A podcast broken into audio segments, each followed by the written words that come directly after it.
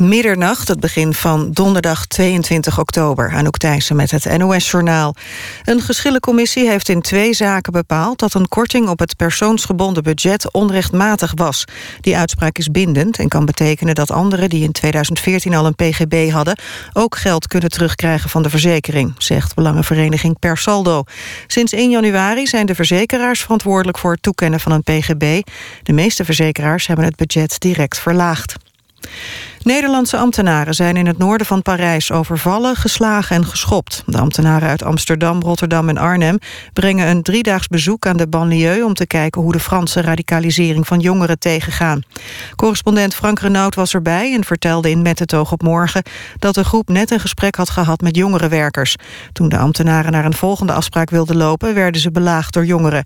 Ze kregen pepperspray in hun gezicht gespoten, werden geschopt en geslagen en er werd een tas gestolen. Een van de ambtenaren liep een hoofdwond op. Het incident was geen reden om het werkbezoek te beëindigen. Den Bosch heeft een locatie aangewezen voor een nieuw asielzoekerscentrum. Landgoed Koudewater in Rosmalen moet zeker 10 jaar plaats gaan bieden aan 600 tot 800 vluchtelingen. Op het landgoed wonen psychiatrische patiënten, maar dat vindt het college geen bezwaar. De komende tijd wordt bekeken of er nieuwe panden worden neergezet of dat de oude gebouwen worden verbouwd. PSV is er niet in geslaagd zijn koppositie in groep B van de Champions League te behouden. In het vierde groepsduel werd er verloren van Wolfsburg. De Duitsers waren in eigen huis met 2-0 te sterk. Dost en Kroeze scoorden voor Wolfsburg. Ook in groep B speelde Manchester United gelijk tegen CSK Moskou. Het werd 1-1. De Eindhovenaren zakken daardoor naar de laatste plaats. Het weer, de komende uren wordt het vanuit het westen droger. Overdag blijft het bewolkt, soms met wat lichte regen of motregen. In het westen af en toe wat zon. Het wordt opnieuw zo'n 13 graden. Tot zover het NOS-journaal. Dan de verkeersinformatie van de ANWB. Op de A15 Rotterdam richting Europort... tussen knooppunt Vaanplein en Hoogvliet... staat een file van 6 kilometer. De vertraging kan daar oplopen tot 13 minuten. Dit was de verkeersinformatie van de ANWB. NPO Radio 1. VPRO. Nooit meer slapen.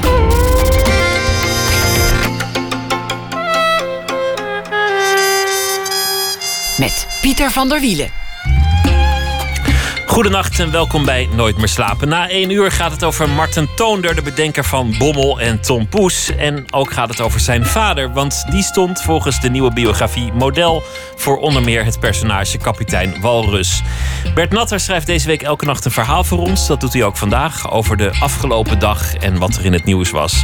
Maar we beginnen met Wietske Versteeg. Quarantaine is de titel van het nieuwe boek. Een besmettelijke ziekte heeft het land bereikt. De mensen vallen dood neer bij bosjes. En tegen die achtergrond ontdekt een ongelukkig getrouwde medisch parvenu die de kost verdient als plastisch chirurg waar hij niet voor geschoold is, eindelijk wat het is om mens te zijn en om eens echt om een ander te geven. Het is de derde roman van Versteeg. Wietske Versteeg, geboren in 1983, debuteerde met een non-fictieboek. Dit is geen dakloze, mede gebaseerd op haar eigen ervaringen als eh, medewerker van een crisisopvang. Daarna kwam de geprezen roman De Wezenloze in 2012. Een jaar later Boy, ook bekroond met de BNG Literatuurprijs. Studeerde politicologie en is thans onderzoeker wetenschapscommunicatie in Enschede. Wetenschap en literatuur kortom. En dan schrijft ze ook nog filosofische essays. Hartelijk welkom, eh, Wietske Versteeg. Dankjewel. Het gaat vaak over de dood. Ja, en in je nieuwe roman vallen ook weer mensen dood neer bij bosjes. Wat is dat? Ja, goh, dat heb ik nou nooit over nagedacht. Blijkbaar is dat zo, ja. Je zoekt als schrijver toch thema's op waar het, waar het om gaat spannen.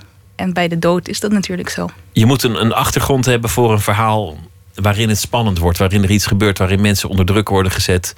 En een sterfgeval leent zich daarvoor. Ja, je zoekt toch vaak naar een soort extreme situatie. Wat gebeurt er als je een personage tot het uiterste drijft? En dat kan op een heleboel manieren, maar de dood is er een van. Zet iemand onder druk en dan komt zijn ware aard naar boven? Nou ja, ware aard is bij een personage wat ingewikkeld natuurlijk. Want het is geen ware aard, het is jouw verzinsel. Het is mijn verzinsel, tot op zekere hoogte. Toch heb je de drang om je personage nou ja, te, te martelen, te fileren. Om hem alle hoeken op, op te sturen, want hij moet een verandering doormaken. Ik zoek naar ongemakkelijke verhalen, vaak. Um, en ja, in, in bijna alle romans heb je een personage nodig dat een verandering doormaakt. Er moet iets gebeuren. Ja, anders dan, dan vullen die bladzijden zich maar waarmee eigenlijk. Een, een pandemie, dat is natuurlijk een heel mooi thema. Het is eigenlijk iets dat, dat, dat een beetje sluimert op de achtergrond van het nieuws. We zijn al jaren, nou ja, we, men is al jaren bang voor de grote uitbraak van een hele besmettelijke ziekte. Eerst was het misschien de vogelgriep. We hebben ebola gehad, we hebben SARS gehad. Steeds gaat het goed. Dan weer de Mexicaanse griep. Maar het gaat natuurlijk op een dag gebeuren. Een, een heel erg besmettelijke ziekte die zal uitbreken. Zoals de Spaanse griep in 1918. Wat, wat deed je besluiten om daar een boek over te schrijven? Nou, eigenlijk werd ik geraakt door een krantenartikel over ebola. En in dat artikel werd ehm, het gebied waarin ebola heerste beschreven als het land zonder aanraking. En, en daar, dat zet hem aan het denken. Want je bent hartstikke ziek. Wat je nodig hebt is nabijheid van mensen. Je hebt aanraking nodig. En juist dan kan het niet. Dan ben je gevaarlijk voor je omgeving.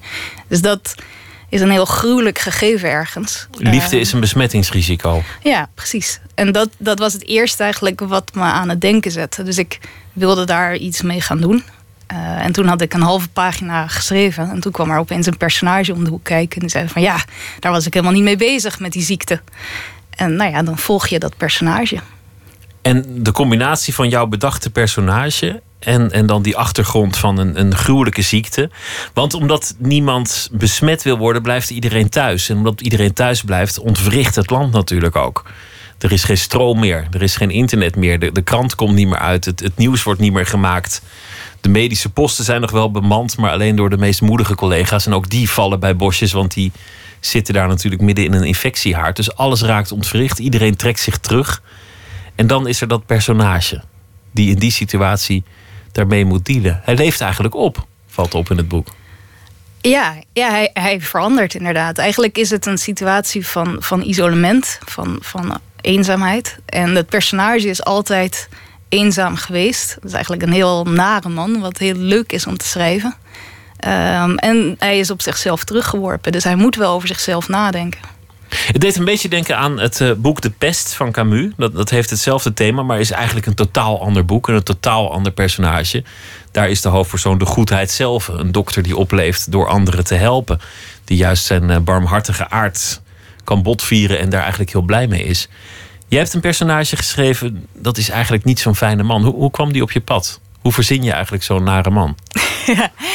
Ja, nou ja, wat, wat ik zei. Ik was, ik was eigenlijk bezig met dat verhaal over die ziekte. En dan, ja, dan komt er zo'n personage tussendoor, als het ware. Hoor je opeens een stem. Um, het is heel fijn als je schrijver bent. Is het een heel goed teken als je stem hoort. En dan, ja, dan ga ik zo'n stem achterna. Wat, wat heeft zo'n personage te vertellen?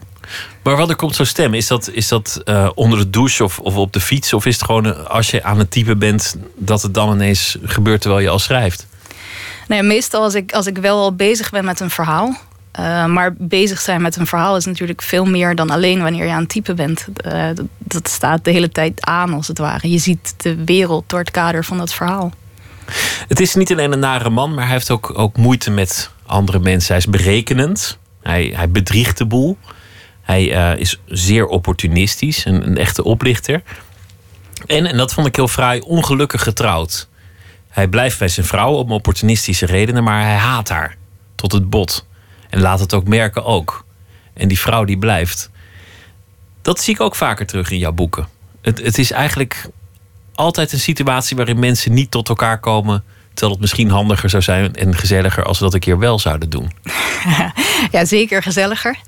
Uh, ja, ik vind dat interessant. Situaties waarin mensen elkaar wel proberen te bereiken, maar waarin dat niet lukt. En in dit geval is het een personage ja, dat zichzelf volledig in zichzelf heeft opgesloten eigenlijk. Ik bedoel, hij is een hele nare man, maar uiteindelijk is hij ook heel machteloos. En dat fascineert me. En dat nare, dat blijft natuurlijk niet. We gaan niet het hele boek weggeven, maar hij wordt enorm verliefd. En, en die verliefdheid, ja, net in tijden van, eh, van uh, ziekte en eenzaamheid, verliefd worden is onhandig. Maar het zet eigenlijk alles uh, op zijn kop. Wat er ook mooi aan is, is jouw beeld op, op de liefde. Want eigenlijk uh, leert die man wat het is om lief te hebben. En daarmee wat het is om een mens te zijn. Maar dat is meteen ook een onmogelijkheid. Want de mensen die lief hebben in jouw boeken, die bereiken elkaar eigenlijk niet. Die lijken alleen maar met zichzelf bezig. Hoe kijk je daar tegenaan? Het is heel grappig om je eigen boeken geanalyseerd te horen, want dat is niet hoe je denkt terwijl je schrijft. Nee, natuurlijk niet. Je bent gewoon een verhaal aan het maken. En je denkt, Precies, je volgt een verhaal, maar dan komen er dus dit soort patronen uit. Ehm, ja, die machteloosheid. Mensen willen elkaar bereiken, maar het lukt niet. Dat, dat is inderdaad iets waar ik steeds bij terugkeer. En ik denk dat dat ook vaak zo is in het dagelijks leven. waarom denk je dat? Ja, waarom? Ehm, ik denk dat dat vaker voorkomt. En ik denk normaal gezien, ehm, er zijn een heleboel plekken waar het verhaal wordt verteld van liefde die goed gaat en relaties die goed gaan en levens die heel gelukkig aflopen. Uh, daarvoor hoef je maar naar een Hollywoodfilm te kijken of naar een advertentie. Maar ik denk dat, dat literatuur een interessante plek is om ook te kijken naar, ja, naar daar waar het wringt. Of dat is in elk geval wat ik heel interessant vind. Het wordt ook een beter boek als het, als het schuurt en je wilt ook de, de lezer niet per se naar de zin maken. Ja, ik, ik, wil het lezer niet naar de zin maken, maar het zijn ook gewoon, als ik schrijf, denk ik niet aan de lezer. Dan ben ik gewoon heel egocentrisch aan het schrijven. En ook vrij technisch is dat natuurlijk. Ik bedoel, je moet, je moet een scène maken, je moet van, van een punt in het verhaal naar het volgende, je moet iets een afloop geven. Misschien ben je daar ook meer mee bezig dan met nou ja, dat soort diepgravende, diepgravende thema's als wat is liefde, wat is, wat is mens zijn eigenlijk. Nou ja, het, het wisselt terwijl je bezig bent met een boek, kijk je er steeds op een andere manier naar. Dus, dus het ene moment is dat technisch en het andere moment zit je zelf in het verhaal. Um, en ik laat me dus ook graag verrassen door wat er met dat verhaal gebeurt. Ik weet nooit van tevoren waar een boek over zal gaan. Een van de dingen die ik, die, die ik treffend vond als scène is dat, dat nou ja, de vrouw van de man uh, een hele dierbare foto heeft.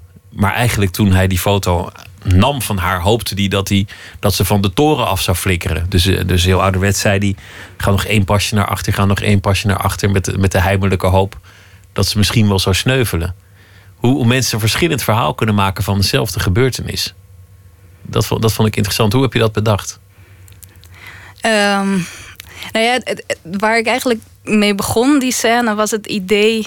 Uh, wat ik ook, ook ooit een keer ergens heb gelezen van Iemand had een fotoalbum gevonden en daarop stond de vrouw stond steeds kleiner afgebeeld. Eerst was ze heel prominent uh, op het midden van de foto en later werd ze steeds, steeds meer naar de rand van de foto, steeds iets minder belangrijk. En, en in het fotoalbum zag je zo het veranderen van het huwelijk.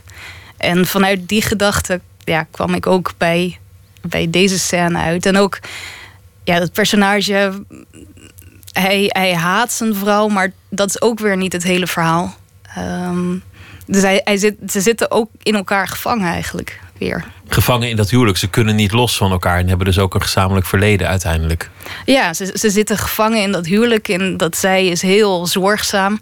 En tegelijkertijd een hoop mensen die het hebben gelezen zeiden van ja, wat een vervelende vrouw. Uh, juist. Dus, en dat is natuurlijk ook, je ziet alles door, door de ogen van de verteller, van, die, van dat personage, van die eigenlijk hele nare man. Uh, dus je bent in zijn wereld.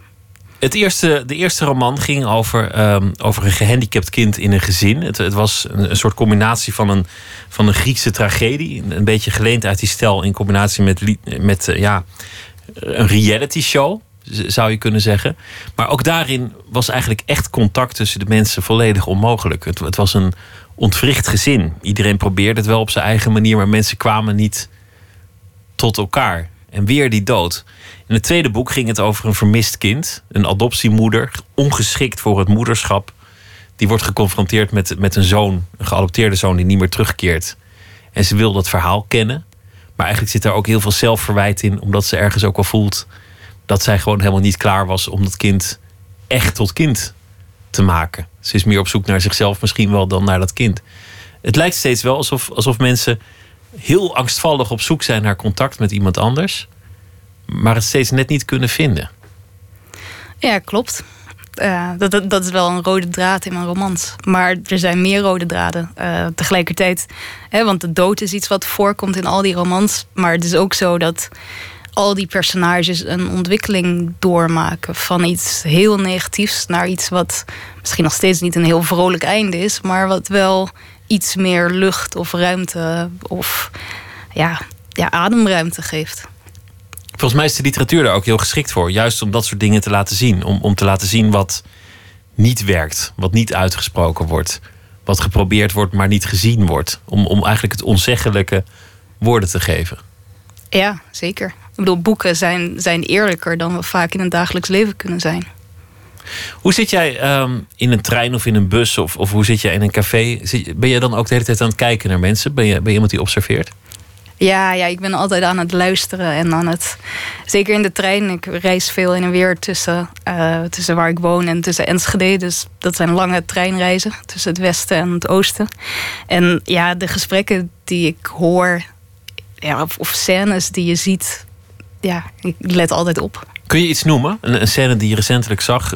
Misschien niet al te herkenbaar, omdat misschien de treinluisteraar ook wel, treinluisteraar ook wel luistert. Maar kun je, kun je, schiet je iets te binnen van zo'n scène? Ja, ja bijvoorbeeld, ik, ik zag onlangs een keer um, een, uh, een jongen die was het was september en was met een grote trekkersrugzak. Hij was duidelijk van plan op reis te gaan. Dat was de trein naar Schiphol. Grote wereldreis of iets dergelijks, stel ik me dan voor. Maar op het perron stond zijn vader. En die vader die stond met een klein knuffelbeertje bij het raam. En die probeerde een beetje de aandacht van de jongen te trekken met dat, met dat knuffelbeertje. Terwijl die jongen een beetje beschaamd, half wegkeek. Nou ja, zoiets vind ik heel mooi. Dat is dan ook een, een moment waarop mensen elkaar misschien niet kunnen bereiken, maar die liefde is er wel. Ja, want hij denkt, ik ben eindelijk een grote volwassen backpacker. Ik ga de wereld in. Kijk mij eens. En dan staat die vader ineens met, zo, met zo'n plusje, plusje beer. Ja, precies. Dan ben je nog steeds een snotneus. Ja, precies. Het is heel, ergens is het heel schrijnend, maar dan maakt het ook heel mooi. Doe je daar dan meteen ook iets mee? Of, of onthoud je het? Of heb je een notitieblokje? Of denk je gewoon van, nou ja, dat was weer, was weer interessant? nee, ik heb heel traditioneel een notitieboekje bij me. En bijna altijd op mijn laptop. Dus ik schrijf het meestal gelijk op. En dan kan het snel of heel veel later in een verhaal terugkomen. Wanneer wist je dat je schrijver was? Ja, uh, schrijver zijn is zo'n gek woord. Ik bedoel, ik weet dat ik graag schrijf, maar. Uh, en, en ik heb denk ik altijd schrijver willen worden. Maar schrijver zijn, ja, dat is zo gek om van jezelf te zeggen. Dat is gewoon een beslissing. Je zegt vanaf nu ben ik schrijver. Ja, maar het voelt zo gek om dat te zeggen. Waarom? Ik schrijf gewoon graag. Nou ja, misschien ook omdat er rondom het schrijver hangt zo'n soort gek iets. Alsof dat heel hip is of zo. En dat, of niet hip, maar gewichtig. Misschien. Of gewichtig. Of nou ja, in elk geval hangt er, hangt er iets aan wat, wat ik niet bij mezelf vind passen. Je wil, je wil eigenlijk niet gewichtig zijn of, of hip zijn. Je wil eigenlijk gewoon met rust worden gelaten en gewoon schrijven. Ja, terwijl ik tegelijkertijd natuurlijk wel nodig heb dat mijn boeken gelezen worden. Ik zou ook niet voor de bureaula kunnen schrijven. Dus het is een heel gek, gek evenwicht. Laten we gaan luisteren naar ehm, muziek. En dan gaan we straks, zoals je al uh, hebt aangevoeld, volledig verder op dat, uh, dat thema, maar ook andere dingen. We gaan luisteren naar iemand uit uh, Zweden, Daniel Norgren, want die heeft een nieuw album, The Green Stone. En we gaan luisteren naar het nummer My Rock is Crumbling.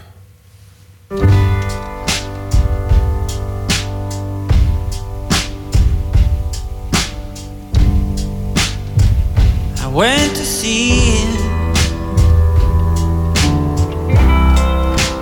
just the other day. He still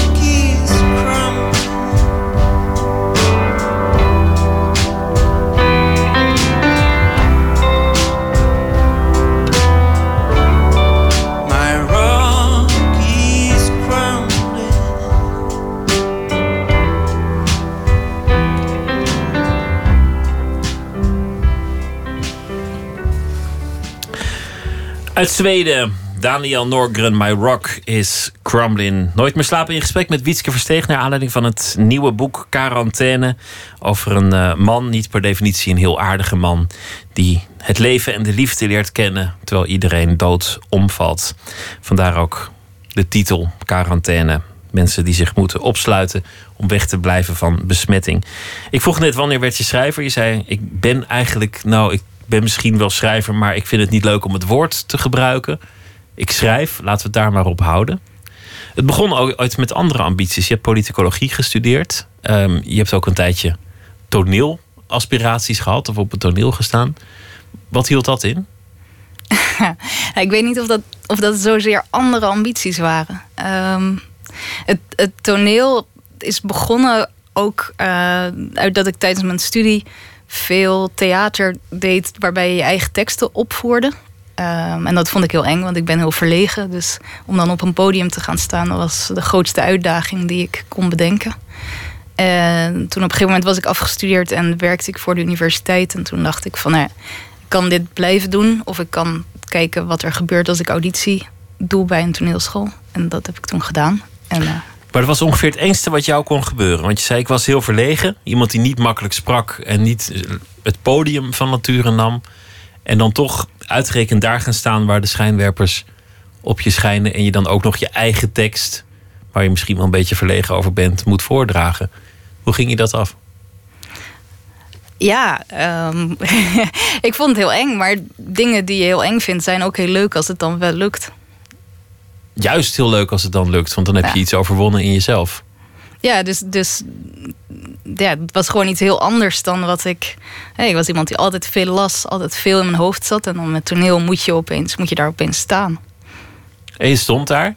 Je zei eigenlijk is het niet iets heel anders. Want ik zei je hebt andere aspiraties gehad, maar jij zei nee, eigenlijk was het allemaal toch hetzelfde. Het schrijven, het studeren en op dat toneel staan. Waarom is dat hetzelfde? Nou ja, het draait bij mij allemaal wel een beetje om het vertellen van verhalen. Um, dat geldt voor toneel. Uh, het geldt ook voor politicologie. Uh, wat ik met politicologie heb gedaan is altijd heel erg op taal gericht. Dus ook welke, ja, welke verhalen horen we wel en wat blijft ongehoord. Uh, nou ja, en schrijven draait natuurlijk helemaal om verhalen. Je hebt ook een wantrouwen tegen de taal. Dat laat je je personages zeggen. Woorden zijn als hoeren. Ze zijn al vaak uh, van hand tot hand gegaan. Of, iets, iets van die strekking. Maar een soort wantrouwen tegen de taal. Omdat taal iets leegs kan worden. Taal een middel kan worden tot macht. Ja, nou ja, het is.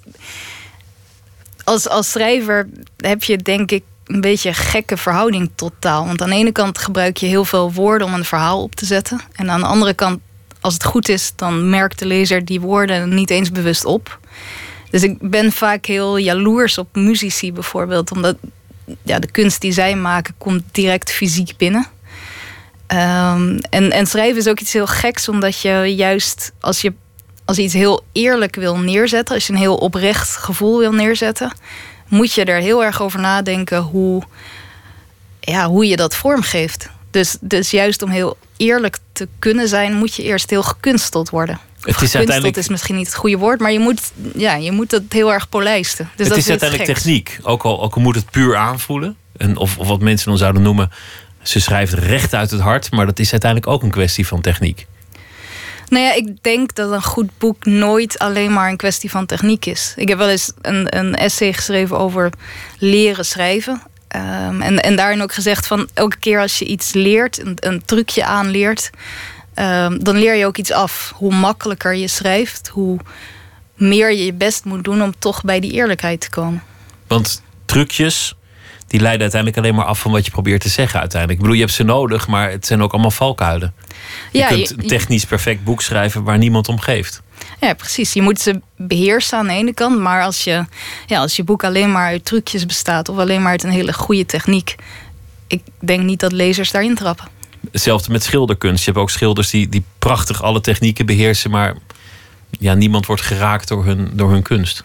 Ja, terwijl ook in de schilderkunst, uh, Da Vinci bijvoorbeeld, die schreef handboeken van uh, als je een veldslag wil maken, dan schilder je uh, bloederige paarden. En nou ja, die, die qua effectbejacht, die beschreef volkomen hoe dat eruit moest zien. Maar ja, in een schilderij moet ook dat gevoel zitten. Wat je niet in trucjes kunt vatten. In je jonge jaren werkte je ehm, bij de, de daklozenopvang in een uh, crisiscentrum. Dat is uiteindelijk de bron geworden voor je eerste bundel met, uh, met essays en, en verhalen.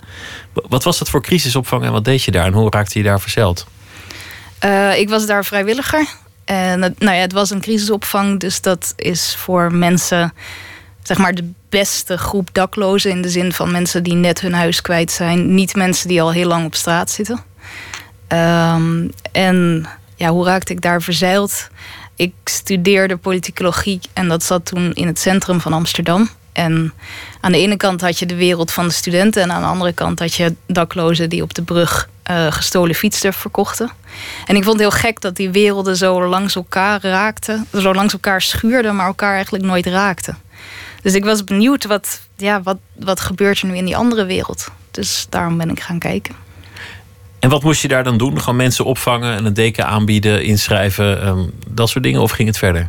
Nee, gewoon heel bazaal. Uh, mensen, mensen inschrijven, koffie, thee verzorgen. Zorgen dat er geen ruzies, conflicten ontstaan, dat soort dingen. En is het je gelukt om, om die onzichtbare wand op te heffen? Want je zei, we stonden op dezelfde brug. De ene groep, dat waren de studenten. De andere, dat, dat waren dan de daklozen. En toch ontmoeten ze elkaar nooit. Ze lopen langs elkaar heen. Is het je gelukt om, om dat echt te doorbreken? Of bleven het toch andere mensen? Bleef ze toch onaanraakbaar?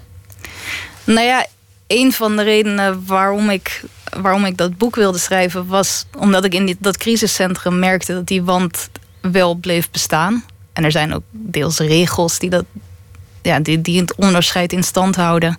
Ook om veiligheidsredenen bijvoorbeeld. Het is ook gewoon professioneel om een zekere afstand Precies. te bewaren. En, en nou ja, ik, ik was gefascineerd door wat. Ja, hoe wordt die afstand in stand gehouden? Inderdaad, wat zijn de voordelen van die afstand? En hoe, ja, hoe zit dat met die twee verschillende werelden? En wat zegt het, hoe wij naar daklozen kijken, wat zegt dat over niet-dakloze mensen? Um, dus dat ben ik uit gaan zoeken in dat boek. En ik heb er zelf in elk geval heel veel van geleerd. Zat het ook in jezelf, de, de neiging om te willen helpen en te willen wegkijken tegelijk? Mm, ik denk dat ik zelf redelijk wantrouwig ben over het algemeen over de neiging om te helpen. En dat is heel goed, want bij dat crisiscentrum bijvoorbeeld zeiden ze ook van nou, als je komt solliciteren, de enige reden waarom we je zeker niet zullen, uh, zullen aannemen is uh, als je zegt van ik ben hier omdat ik graag mensen wil helpen. Omdat ja, dat, uh, ja, dat gaat heel snel fout. Want mensen doen niet wat jij verwacht als je ze helpt. Daar zullen ze gebruik van maken, bijvoorbeeld. Of misschien zijn ze gewoon wel op hun eigen pad naar de verdoemenis en, en slepen ze jou wel mee. Nou ja, maar het is ook het. Dat, dat de wil om te helpen is. Vaak verwacht je dan toch iets terug. Verwacht je dankbaarheid of wat dan ook. En zo werkt het natuurlijk helemaal niet. En misschien zijn mensen uiteindelijk niet. Ik bedoel, je kunt iemand, je kunt aardig zijn of iemand een hand uit aanreiken. Maar mensen zijn uiteindelijk in essentie niet te helpen. Mensen moeten allemaal een eigen leven leiden, denk ik. Ja, deels wel.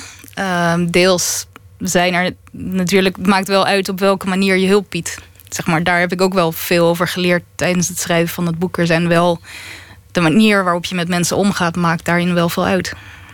Het is een thema wat, wat eigenlijk in, dat zei ik al eerder, in al je boeken terugkomt. Die, die onzichtbare wand tussen mensen. Je, je wil een hand aan, aan iemand geven, maar je raakt iemand toch nooit echt aan. Niet in de liefde, niet in een familie, niet, niet onder, onder collega's. Uiteindelijk is iedereen alleen, bezig met zijn eigen binnenwereld, zijn eigen gedachten. Uiteindelijk zijn we op onszelf teruggeworpen. Is, is dat ook jou, een beetje jouw wereldbeeld? Ja, waarschijnlijk wel. Als dat, als dat er op die manier in terugkomt, ja. Ik denk dat dat wel klopt met hoe ik er uiteindelijk over denk. En waarom houdt dat thema je bezig? Want, want ik, ik vind het toch interessant. Ik bedoel, het, is een prachtig thema. Het is ook een ontzettend mooi uitgangspunt voor literatuur. Maar ik ben benieuwd wanneer, wanneer het bij jou ging leven als thema. Wanneer je dacht, goh, dat, dat behoeft nadere aandacht. Nee, ik denk dat het dus niet zo werkt. Want je, je begint niet, of ik in elk geval, begin niet het schrijven van een boek met een thema in de gedachten. Um, maar ik schrijf een boek en daarin komt iets van mezelf terug. En dat is dan dat thema. Had je zelf dakloos kunnen worden? Is er een punt geweest in je leven dat je dacht, nou, als dat anders was gelopen, dan, dan was ik misschien ook wel in die crisisopvang terechtgekomen? Ehm, dat, dat is altijd moeilijk te zeggen. Ehm, maar ik heb op een, aantal punten een heel goede achtergrond. Dus dat maakt de kans kleiner. Een bevoorrechte achtergrond, zou je het kunnen noemen in die zin. Gewoon een, een net gezin met, met goede Met ouders die je stimuleren om naar school te gaan. Dat soort dingen helpen. Mensen die je aanmoedigen, mensen die je helpen, Ja. die lief hebben, dat soort dingen. Ja. Toch schrijf je vaak over, over hele ongelukkige gezinnen. Je hebt ook een, een essay geschreven over kindermishandeling, wat, wat ik echt prachtig vond. En ik dacht, je, je hebt er echt goed over nagedacht, over dat thema.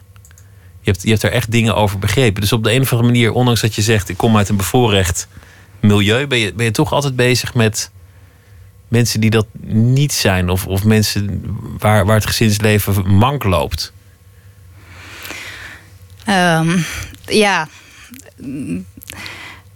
Er is natuurlijk. ehm, ja, dat thema fascineert me in het algemeen bij anderen. Ehm, en je schrijft natuurlijk ook over dingen. Nou ja, je vertrekt ook wel vanuit je eigen wonden of dingen die je zelf hebben geraakt.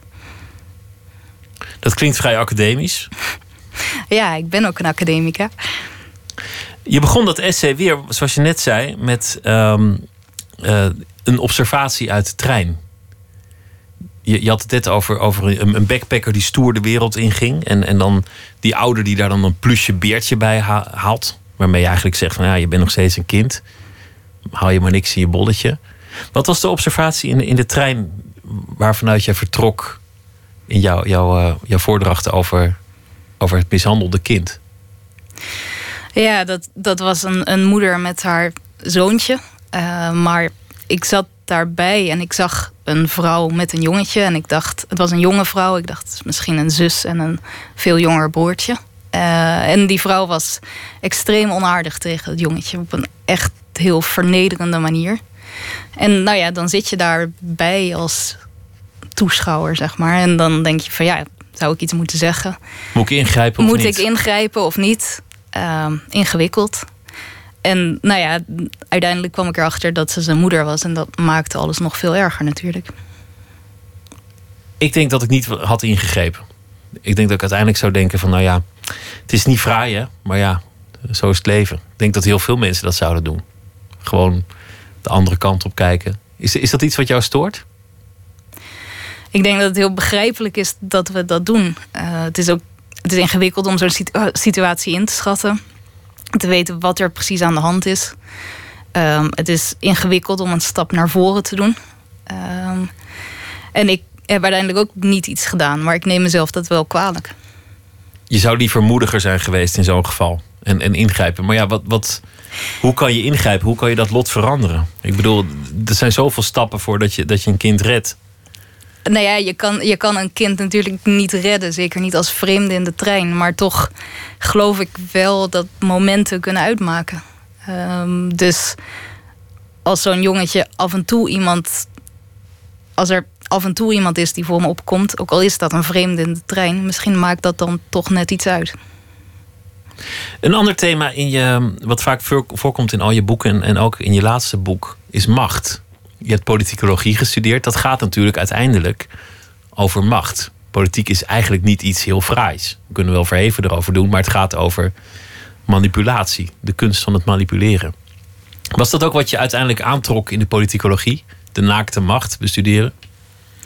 Eh, nee, ik ben eigenlijk bij, min of meer bij toeval politicologie gaan studeren. Ehm, ik was begonnen met sociale geografie. Eh, heel uitgebreid onderzoek naar gedaan, zoals je wordt aanbevolen op de middelbare school. Kies zorgvuldig een studie. En toen, eigenlijk min of meer op het laatste moment, dacht ik: ik wil er een tweede studie naast doen. En heb ik min of meer lukraak uit het foldertje gekozen voor politicologie.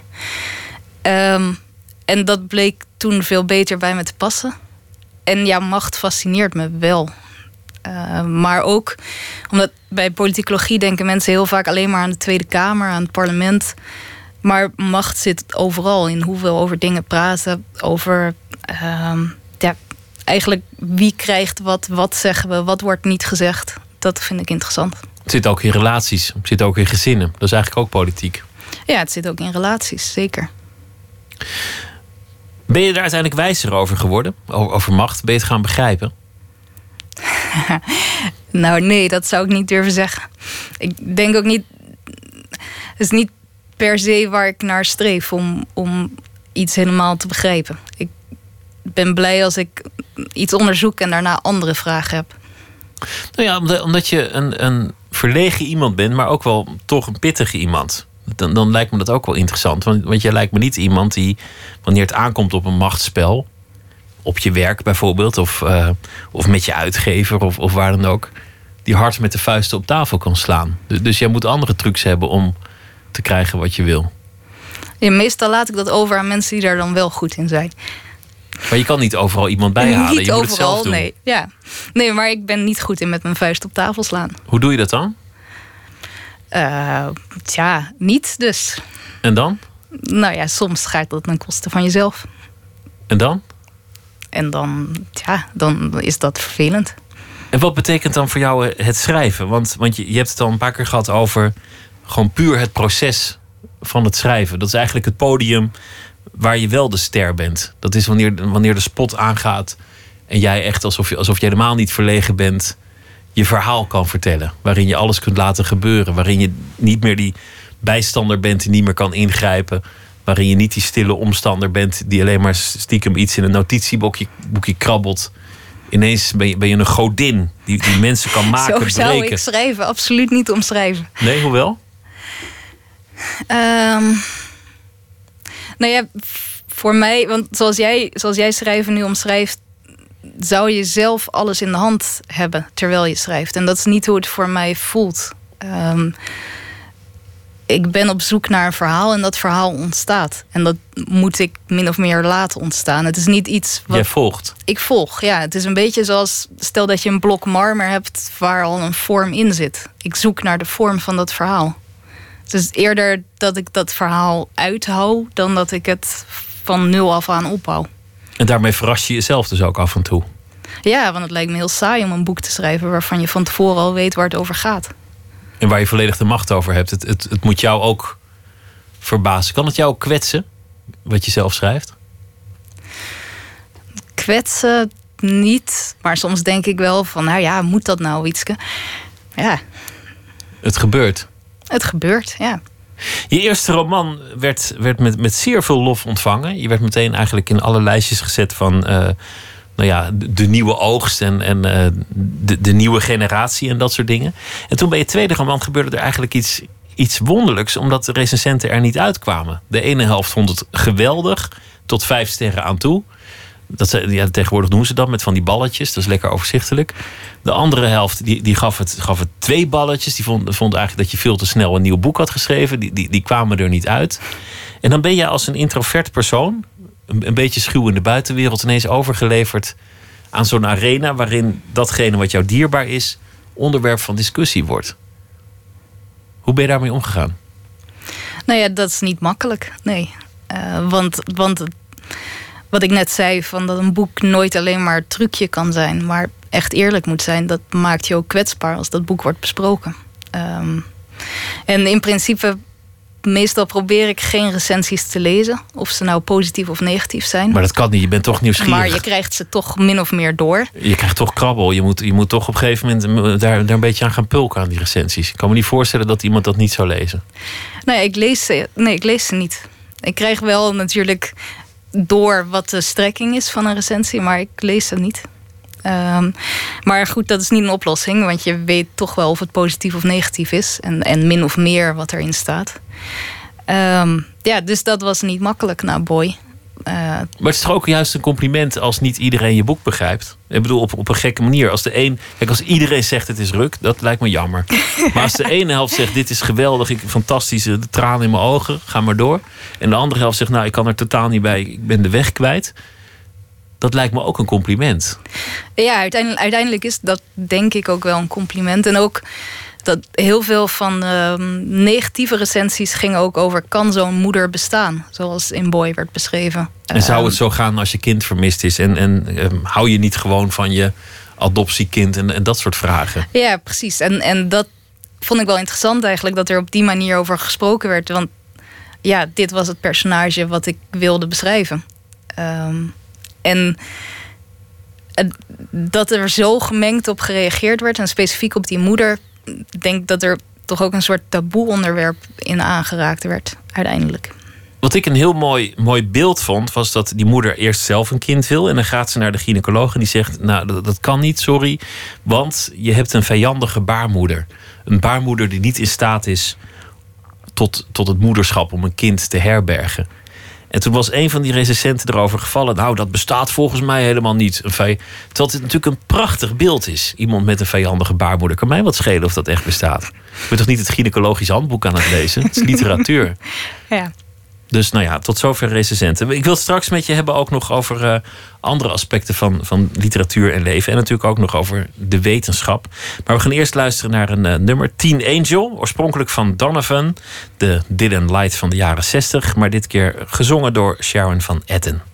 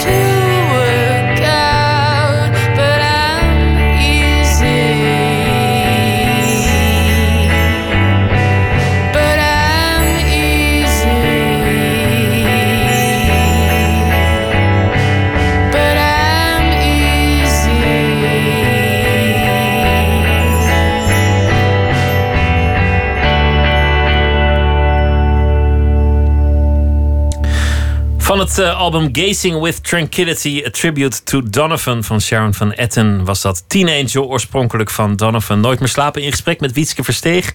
Die heeft uh, haar derde roman uit met de titel Quarantaine. We hebben het gehad over het boek, over uh, een extreme situatie. Ik vroeg waarom altijd die dood. Jij zei, nou ja, de dood is een extreme gebeurtenis en ik zoek eigenlijk iets op dat de boel op scherp zet van waaruit mijn personage zich kan ontwikkelen. Er moet wel iets gebeuren in het boek. Een naar personage, zei je, maar ja, je personage die komt op je pad. Je bent niet de meester van je verhaal. Je bent niet een god die een wereld schrijft. Maar het verhaal schrijft ook zichzelf. Jij moet volgen uiteindelijk. Je hebt verteld over het schrijverschap. Je vindt het een moeilijk woord. Je zei ja, ik schrijf, maar om mezelf nou schrijver te noemen. Dat weet ik eigenlijk niet. Je studie politicologie en je toneelaspiraties van wel eer en dat schrijven, dat kwam allemaal uit eenzelfde bron, namelijk de drang om verhalen te vertellen. Je had iets voor jezelf overwonnen door op het podium te gaan staan. Je zei, ik ben eigenlijk een introvert persoon. En wat voor mij het allerengste was om te doen, was met een eigen verhaal op dat podium staan. Maar ik heb het toch wel degelijk gedaan. Maar uiteindelijk is dat introverte misschien niet helemaal opgelost. Je, je, fascineert, je, je bent gefascineerd door de afstand tussen mensen. Dat mensen elkaar nooit helemaal kunnen afraken, of aanraken je wil wel de hand reiken, maar je kunt niet echt helpen. En misschien moet je het ook niet eens willen. Dat zijn de kleine dingen die je observeert wanneer je in de trein zit. En dat levert inspiratie op. Je hebt ook gewerkt in de dakloze opvang, vertelde je ook nog. En uh, daar werd zelfs ontmoedigd om te helpen. Had je zelf dakloos kunnen worden, vroeg ik nog. Nou, eigenlijk niet. Dat weet je nooit, zei je. Want het leven loopt zoals het loopt. Ook daar heb je geen macht over. Maar je kwam uit een bevoorrecht milieu. Maar toen ik vroeg waarom ben je gefascineerd door kindermishandeling, zei je iedereen heeft zijn wonden, ik ook. En daar hield je je wel bewust en uh, misschien ook wel terecht op de vlakte. Dat is je goed recht. Toch vind ik het gek dat je je nog steeds geen schrijver wil noemen. Hoe heeft het je veranderd, het succes? Om toch geaccepteerd te worden, om toch boeken te verkopen, uitgenodigd te worden op voorleesavonden, mensen die in je geïnteresseerd zijn, een prijs te winnen en, en een hele chique prijs ook nog, lof te krijgen. Hoe heeft je dat veranderd? Ben je daardoor minder introvert geworden? Mm, nee, dat denk ik niet. Um, ik vind het verbazend als ik van onbekenden hoor dat ze mijn boek hebben gelezen of als ik een lezing kom geven. Um, ja, ik ben gewoon altijd verbaasd dat mensen zo geïnteresseerd zijn. Maar of mij dat dan heel erg heeft veranderd, nee. Niet. Je bent gewoon wie je was en, en het schrijven gaat door.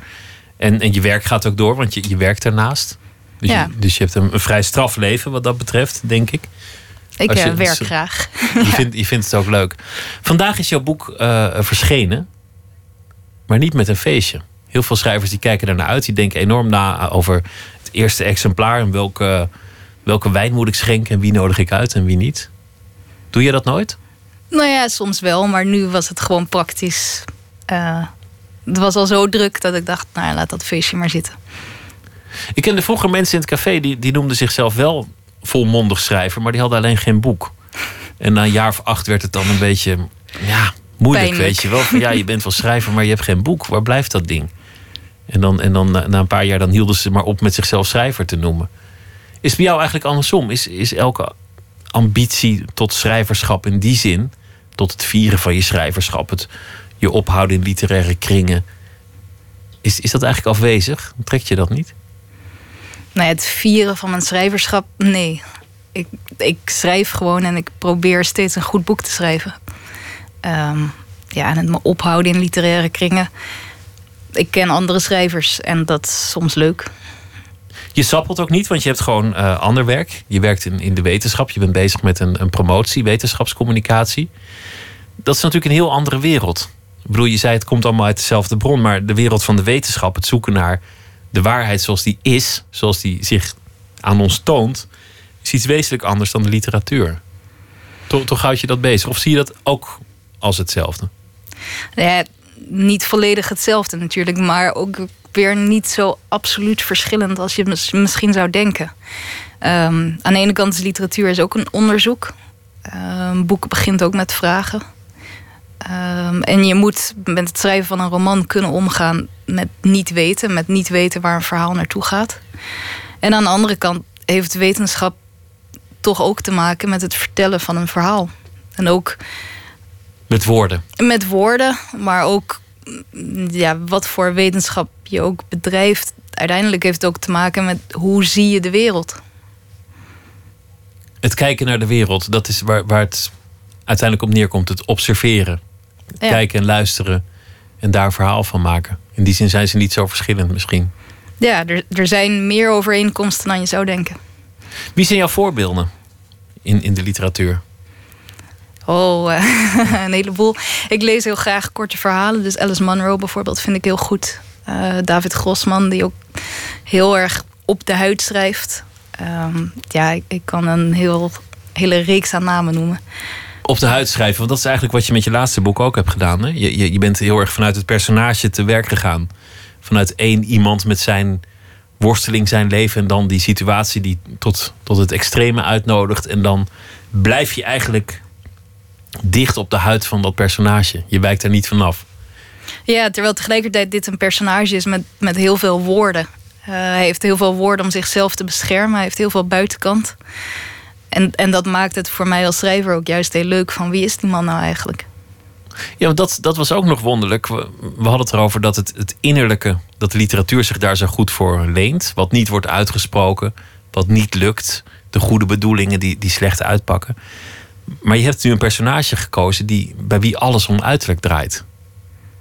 Ja. Hij is plastisch chirurg. Hij, hij wil mensen mooier maken. Hij ergert zich aan lelijkheid van anderen. Ergert zich aan zijn eigen lelijkheid. Niet in de laatste plaats. Maar je neemt eigenlijk een heel uiterlijke wereld om een heel innerlijk thema bij de kladden te krijgen. Ja, en uiteindelijk verandert daar ook iets in bij dat personage. Hoe die in dat belang van uiterlijk. Ehm, het, is, het is iemand bij wie het om uiterlijk draait. En ook omdat hij zichzelf nooit heeft laten raken eerder. Ehm, en, en in de loop van zijn verhaal beschrijft hij hoe hij wel geraakt is. En komt er ook ruimte voor iets anders. Iets kwetsbaarders. Het is alleen maar uiterlijk omdat het innerlijk nooit bereikt is door wie dan ook of wat dan ook. Nee, in elk geval is, is dat het verhaal wat hij vertelt, ja. Maar dat is toch wel een, een moment dat je dat bedenkt. Van goh, dat, dat uiterlijk, dat, dat, dat vind ik interessant. Daar kan ik iets mee. Of is, is ook dat gewoon gebeurd? het is ook weer niet zo dat een boek zichzelf volledig schrijft. Maar terwijl je een roman schrijft, kijk je er steeds op een andere manier naar. Ehm, aan de ene kant is er dat verhaal wat zich ontwikkelt. En dan doe je weer een stapje achteruit en dan kijk je, oké, hoe zit het nu? Wat is er aan de hand? Wat voor thema's zitten erin misschien? Wat klopt er nog niet? Welke informatie mis ik? En dan laat je het verhaal zich weer ontwikkelen. En dan komt er een moment bijvoorbeeld wat je opeens ziet van... oh, dat is wat hij heeft meegemaakt. Dus het is, het is een soort afwisseling van controle en, en geen controle. Hoe zie je eigenlijk het voor je wat er verder gebeurt? Want je bent bezig met die promotie. Daarna komt misschien een, een carrière in de wetenschap. Volgens mij zou je het niet erg vinden om, om altijd een baan te hebben... en daarnaast in, in de, de overgebleven uren te schrijven. Heb je toch een soort visie op, op je eigen schrijverschap? En, en, en je leven en, en hoe je dat verder gaat doen? Nou ja, ik wil toch wel ehm, na mijn promotie me meer op schrijven gaan richten. Omdat het uh, schrijven beter is gegaan dan ik had kunnen dromen. Uh, en het nu wel lastiger te combineren wordt. En wat wel zo is, is dat ik het altijd fijn vind om op de grens van verschillende werelden te bewegen. Dus om, eens, om eens ergens te komen en dan is ergens anders. Ja, om niet, niet helemaal op te gaan in, in één soort plek, in één soort manier van met elkaar praten. Om, nou ja, ik blijf graag om me heen kijken. En schrijven is ook een eenzaam beroep. Ik bedoel, als je dan echt geen baan erbij hebt, dan, dan zit je toch ook wel redelijk opgesloten met uh, kat en partner in één huis. Hond en partner in mijn geval. Maar ja, deels. Aan de andere kant uh, zijn er redelijk veel optredens waarin je juist met publiek moet omgaan. Ik ben heel benieuwd hoe het uh, boek ontvangen zal worden. En ik wens je daar ontzettend veel succes mee. En ik wens je ook heel veel succes met uh, alles wat je verder gaat doen. En uh, dank dat je te gast wilde zijn. Het boek heet Quarantaine en is vanaf vandaag overal te koop. Wietske Verstegen, dank je wel. En heel veel succes. We gaan luisteren naar uh, een eenmansband van een Amerikaan, Mark Everett. En hij heeft uh, oog voor de zware kant van het leven, het verlies en het afscheid. En dit nummer gaat over zijn echtscheiding. Kortom, het kan niet op. Het nummer heet A Line in the Dirt.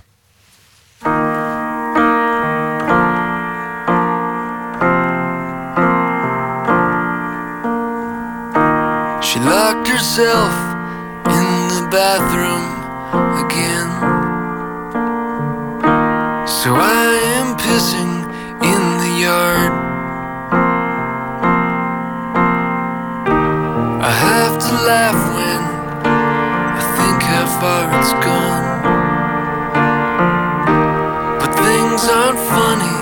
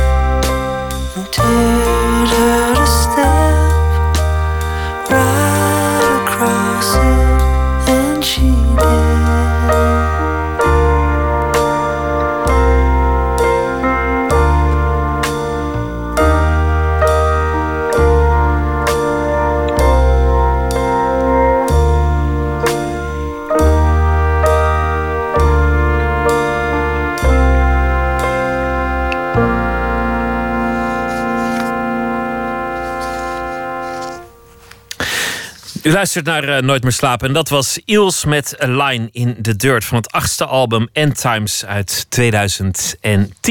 Zometeen gaan we verder met eh, Nooit meer slapen na één uur. Dan gaan we het onder meer hebben over Martin Toonder. Er is een nieuwe biografie over de man eh, verschenen. We praten met biograaf Erik de Graaf onder meer over eh, de vader van Toonder. Die model heeft gestaan voor Kappie, zowel als voor kapitein Walrus uit de Bommelstrips. Verder aandacht voor een luisteravond over de kracht van het geluid en de herinneringen die je kunt horen. Wat is nou eigenlijk meer zeggend? Het beeld of het geluid. Luister in het duister. We gaan het ook hebben over de correspondent, want de correspondent gaat een beetje vernieuwen. Het wordt eh, niet langer een blank medium, vindt althans eh, hoofdredacteur Rob Wijnberg. En Bert Natter die heeft een eh, verhaal gemaakt, want hij maakt deze week elke nacht een verhaal over de afgelopen dag. Zijn nieuwe boek is ook deze week verschenen met de titel Goldberg naar de beroemdste leerling van Johann Sebastian Bach, Johann Gottlieb Goldberg. Dat allemaal zometeen Twitter, het VPRO NMS of via de mail nooit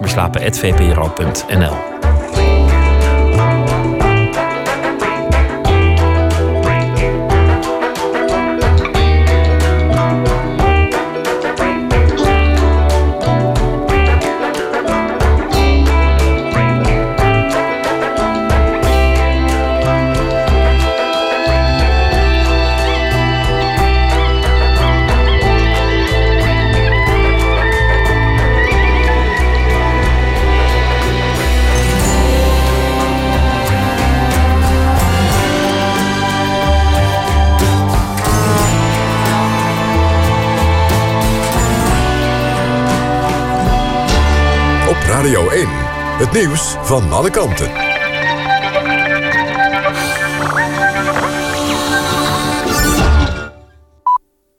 1 uur, Anouk Thijssen met het NOS-journaal. Nederland moet mogelijk meer betalen voor de JSF-straaljagers. De nieuwe premier van Canada, Justin Trudeau... liet al in zijn verkiezingscampagne weten... dat hij niet wil doorgaan met de JSF als hij wordt gekozen. Een hoge militair in het Pentagon heeft naar aanleiding daarvan gezegd... dat de kosten per toestel zo'n 1 miljoen dollar hoger uitvallen... als Canada zijn bestelling afzegt. Canada is een van de negen landen die meedoen aan de ontwikkeling van de straaljager. Nederland wil 37 toestellen kopen. Wikileaks heeft documenten gepubliceerd die zouden komen van het privé-mailaccount van CIA-directeur Brennan. Een jonge hacker claimt de informatie te hebben verkregen door zich voor te doen als een medewerker van telecombedrijf Verizon. Bij de informatie zit ook een vertrouwelijk document met allerlei privégegevens, maar het zou niet gaan om heel gevoelige informatie.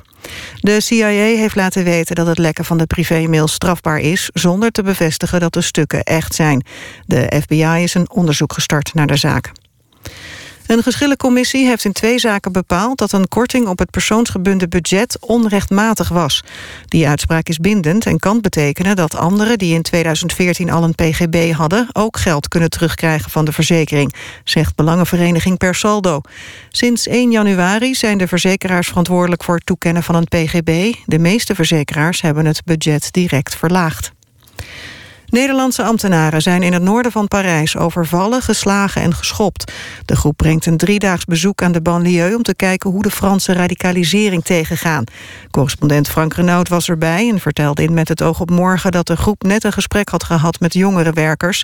Toen de ambtenaren naar een volgende afspraak wilden lopen, werden ze belaagd. Een van de ambtenaren liep daarbij een hoofdwond op. Het incident was geen reden om het werkbezoek te beëindigen. Het weer. De komende uren wordt het vanuit het westen droger. Overdag blijft het bewolkt met soms wat lichte regen of motregen. In het westen af en toe wat zon. Het wordt opnieuw zo'n 13 graden. Dit was het NOS Journaal. NPO Radio 1. VPRO. Nooit meer slapen.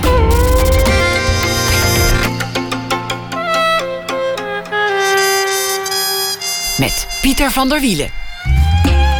U luistert naar Nooit meer slapen. Bert Natter die zal deze week elke nacht een verhaal voor ons schrijven. Twee- 2008 was het jaar waarin hij debuteerde met Begeerte heeft ons aangeraakt. Andere boeken heeft hij ook geschreven. Hoe staat het met De Liefde en Remington? En deze week verscheen een nieuw boek, Goldberg... waarin hij de beroemdste leerling van Bach tot leven heeft gewekt. Bert, goeienacht. Goeienacht. Een verhaal over de afgelopen dag. Vertel eens eh, over deze dag die alweer voorbij is. Ja, het eh, begon met brief van eh, staatssecretaris Dijkhoff aan de asielzoekers die ik in de krant las. En die in de derde zin was zoiets als eh, ongeveer de derde zin. Ik begrijp dat u graag zo snel mogelijk duidelijkheid wilt krijgen over uw toekomst. In deze brief vertel ik u wat u kunt verwachten. Uit de rest van de brief blijkt dat het helemaal niet de bedoeling is van Dijkhoff om een perspectief te bieden op de toekomst van de asielzoekers. Alles wat hij zegt is dat de vluchtelingen geen enkele zekerheid hebben dat ze hier kunnen blijven. Dat gezinshereniging er waarschijnlijk niet in zit. Dat de kans bestaat dat ze onmiddellijk ons land moeten verlaten. En dat ze tot die tijd sober worden opgevangen in sporthallen of tenten waar veel mensen in dezelfde ruimte slapen. Hij ziet de vluchtelingencrisis als een logistiek probleem en handelt op grond van verdragen, wetten en afspraken. En waar het even lijkt of de staatssecretaris wil helpen en duidelijkheid wil geven, blijkt dat hij middels deze brief alleen maar onzekerheid wil creëren en zoveel mogelijk mensen wil ontmoedigen hier asiel aan te vragen, zodat zijn problemen worden opgelost. De arm om de schouder die Dijkhoff voorwendt te bieden, draait uit op een schop tegen de schenen. Hij besluit zijn brief met... Ik hoop u hiermee voldoende geïnformeerd te hebben. Nou, Dijkhoff hoopt, voorlopig, eh, ho- hoopt vooral zijn politieke achterban voldoende geïnformeerd te hebben. Hij had natuurlijk zijn brief moeten beginnen met...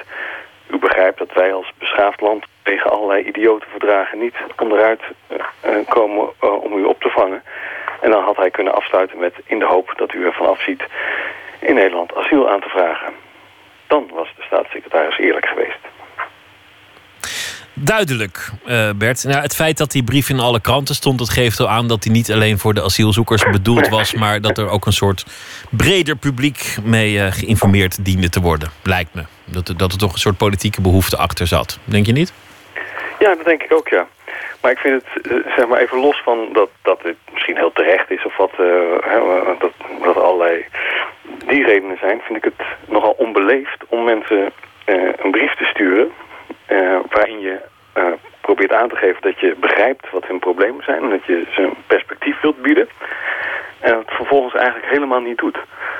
Dat, ik denk dan, zeg gewoon eerlijk wat, je, wat, je, wat de bedoeling is van deze brief, namelijk kom niet hierheen. Dat is eigenlijk, hè, probeer het ergens anders. Kom het niet liever hier niet. Dat, dat, dat, dat mag je best zeggen.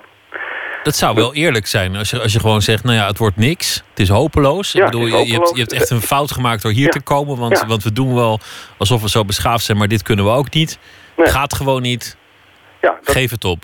dat, dat zou ik eh, vanuit het retorisch perspectief duidelijk vinden. Want dan weten die mensen ook, als ze aan zo'n brief beginnen... die wordt dan voor ze ver- vertaald. Ik vind het ook een heel raar signaal. Want ondertussen gaat Plasterk dan de, de grondwet in het Arabisch voor ze vertalen. Terwijl ik dan denk, ja, hier staat toch heel duidelijk van... er is kans heel, kans heel klein dat je hier kunt blijven. Dus wat zou je dan met die, met die grondwet van dit land moeten? Maar goed, inderdaad, zeg het gewoon eerlijk. Zeg gewoon eerlijk wat je wil. En probeer niet eh, eh, te pretenderen dat je begrip hebt voor Nee. een situatie. Want dat, dat blijkt hier helemaal niet uit. Nee, en trouwens, ze spreken vast wel iemand onderweg die het zo kan uitleggen. Dan, dan hoef je ook misschien niet weer een hele brief te sturen als iemand toch geen adres heeft. Nee, dat is misschien precies. En, Ik en- zag, die, ik zag die brief in alle kranten staan. En, en mijn ergernis begon al bij het logo. Dat merkte ik bij mezelf. Ik zag alleen maar dat logo van de overheid. En toen, toen, toen stond mijn maag al helemaal op, op groen. Dacht ik, dacht ik, oh, die overheid. Dus dat is ook niet goed. Hè? Daar moet ik ook aan werken, denk ik. Ja, dat Nee, maar ik, ik, ik, ik dacht ook aan, eh, aan de status. En dus die staatssecretaris heeft ook een bepaalde ceremoniële fu- functie hè, voor die mensen. Ik, ik kan me dat niet helemaal beoordelen, maar ik kan me voorstellen dat die denken... deze man, die beslist over deze zaken. Dat is niet zo, want daarvoor zou hij de hele grondwet voor doen, door moeten werken. Maar die indruk wekt dat wel. Als je zo'n brief krijgt van zo'n hoge vertegenwoordiger... dan denk je, ja, die man die beslist over mijn situatie.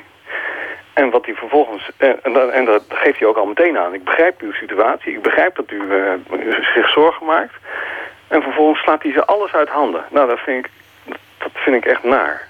Ja, nou ja, het, was, het was ook een bureaucratische brief. Ik denk dat dat, dat ook de ergernis bewekte met dat logo. Dat bureaucratische brieven op de een of andere manier altijd irritant zijn. Omdat er nooit echt iets in staat. Ik, uh, ik, als het al was begonnen met... Ik kan me voorstellen, u heeft een lange reis achter de rug, ongetwijfeld. Bent u niet voor niets weggegaan uh, waar u vandaan is. Dan heb, maak je nog helemaal geen belofte, maar dan geef je in ieder geval aan... Hè, zijn, de enige medemenselijkheid is mij niet vreemd. Maar dat, dat is het probleem met deze staatssecretaris. Wat ik ook in die column schrijf. Van hij, hij beschouwt het gewoon als een, als een probleem, een logistiek probleem. Die mensen moeten ergens, want ja, we kunnen niet onderuit. Het zou al heel veel schelen als hij af en toe iets zou zeggen. Ik heb het nooit gehoord, maar misschien... Uh, ik, ik, hoor ook niet alles wat hij zegt. Als hij af en toe zou zeggen... ja, het is echt ontzettend vervelend voor die mensen... in plaats van voor ons. Ja, maar hij weet het ook niet. Ik denk dat dat toch weer de conclusie is. Ik bedoel, en, niemand weet het, volgens ja, mij. Ja, we komen elke nacht op deze conclusie uit. Ja. niemand weet iets. Bert, goeienacht. Dankjewel voor je verhaal. En um, tot morgen, alsjeblieft. Ja, tot morgen. Dag. Elvis Costello, daar komt binnenkort een autobiografie uh, van uit. En die wordt vergezeld door een soort soundtrack. Een dubbelalbum met nummers waarvan Costello zelf vindt dat die het dichtste bij hem staan. En deze hoort daar natuurlijk ook bij. Een grote hit, vooral in Nederland. Elvis Costello met I Want You. Oh, my baby, baby. I love you more than I can tell. I don't think I can live without you. And I know that I never will. Oh, my baby, baby. I want you so it scares me to death. I can't say anymore then I love you. Everything else is a waste of breath.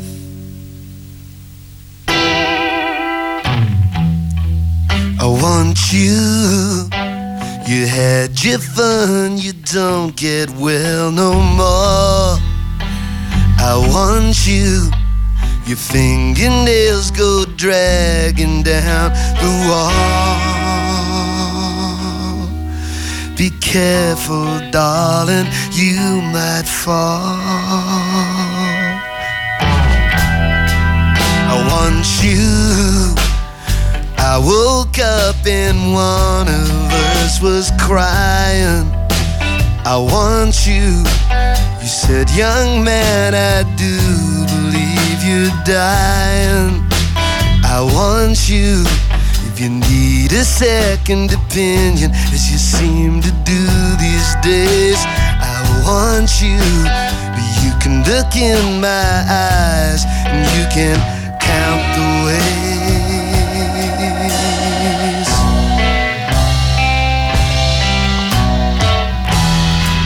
I want you.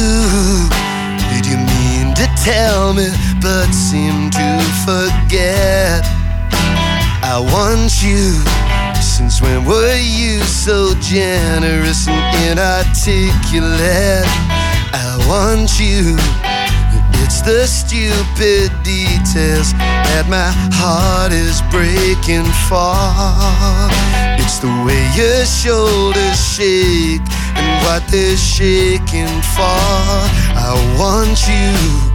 Knowing that it knows you now after only guessing.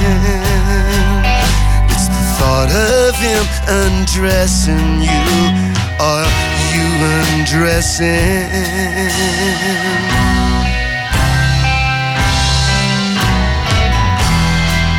I want you. You toss some tatty compliment your way want you, and you were fool enough to love it when it said, I want you.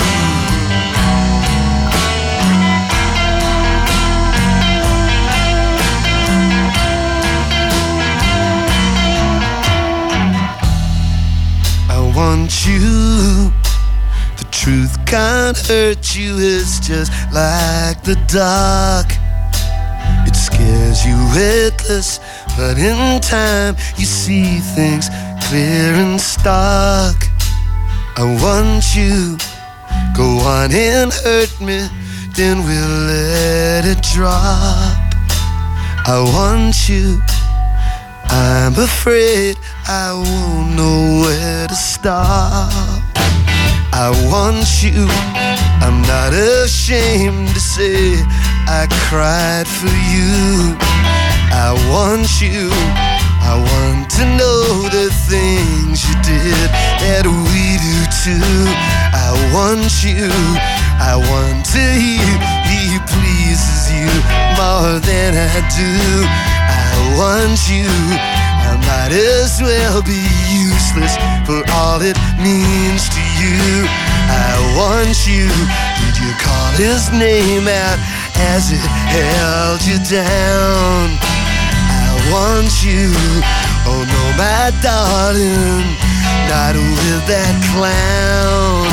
I want you. I want you. You've had your fun, you don't get well no more. I want you. No one who wants you could want you more.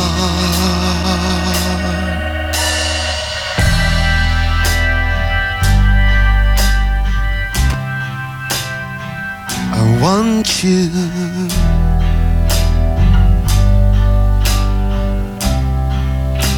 I want you. I want you every night when I go off to bed and when I wake up. I want you. I'm gonna say it once again till I instill it. I'm going, going to feel this way until you kill it. I want you.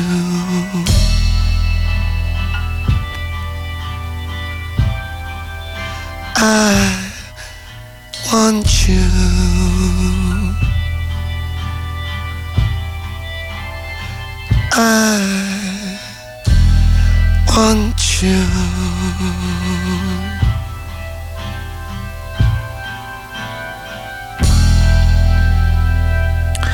Elvis Costello, I Want You. De autobiografie krijgt als titel Unfaithful Music and Disappearing Ink. En het album dat daarbij verschijnt met zijn eigen favoriete nummers heet Unfaithful Music and Soundtrack Album.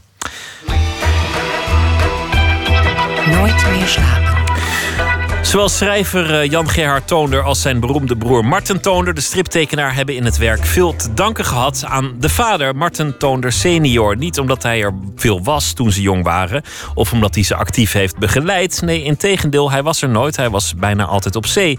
Hoe zat het dan wel? Matthijs Deen reisde af naar het noorden van Groningen, de geboortegrond van Marten senior, en sprak daar met Toonders biograaf, Erik de Graaf. De biografie Marten Toonder senior kwam afgelopen weekend uit.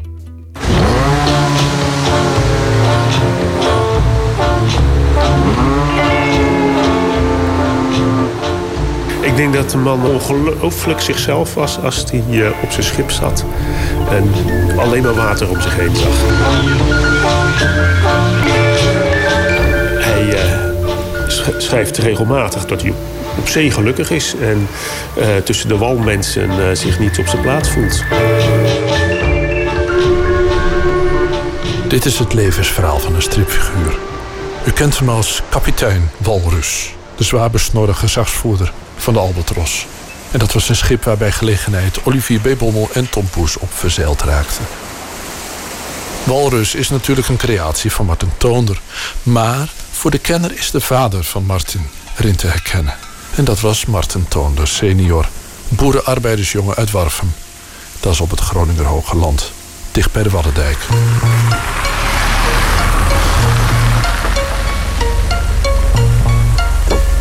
Erik de Graaf, biograaf van Toon de Senior... gaat me voor de Waddendijk op bij het Zielhoes in Noordpolderzeil. Uh, ja, hier was de doorgang ook uh, door de dijk van uh, het kanaal... dat hier vandaan verder loopt naar Warfum en vandaar verder weer naar de stad. En je kon hier ook de dijk door naar de Waddenzee. Het zuiden geeft zicht op de akkers van de Noordpolder waar in de 19e eeuw generatie na generatie boerenarbeiders zich in dienst van de herenboeren voor een hongerloon kapot werkten. Een bestaan waar Marten senior eigenlijk voor voorbestemd leek te zijn. Ja, het is een jongetje dat op zijn achtste al uh, landarbeid uh, moest doen. Uh, soms winters lang, maandenlang in de winter in boerenschuren werkte... om een dorsmolen draaiende te houden, om de paarden in beweging te houden. En toen had hij ook wel contact. Toen was hij zich ook wel van bewust dat als dit niet doorbroken zou worden op de een of andere manier... dan, dan, dan zat hij zijn hele leven tot aan zijn knieën in de klei. En aan de zeekant strekt het Groningenwad zich uit. Met op de horizon de vage contouren van het eiland Rottemeroog. Dat eiland hoorde bestuurlijk bij eh, de gemeente Warfum. Dus, en de provincie had daar een, uh, een beheerder aangesteld. Het was de voogd van Rottemeroog. En die voogd van Rottemeroog had als taak om het eiland te beheren. en ja, eh, te jutten. dus alle, en ook eh, had, had daar een functie als, als reddingswerker voor schepen die daar in de buurt in de problemen kwamen. Dit zijn de twee polen van de wereld waarin de jonge Marten opgroeide.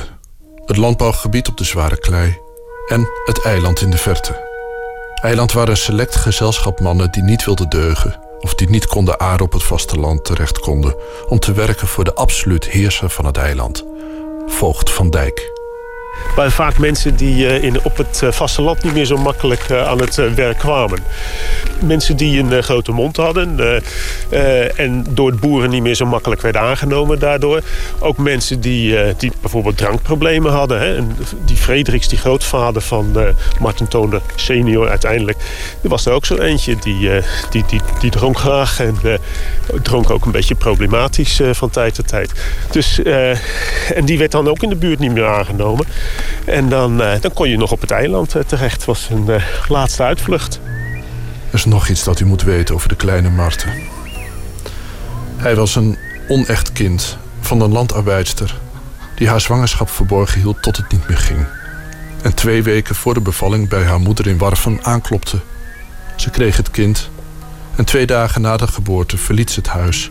en liet haar baby bij haar moeder achter om niet meer naar hem om te kijken. De schande was te groot. Het was 1879. Wie de biologische vader was, is in Warfum ruim een eeuw na de gebeurtenis nog steeds onderwerp van speculatie.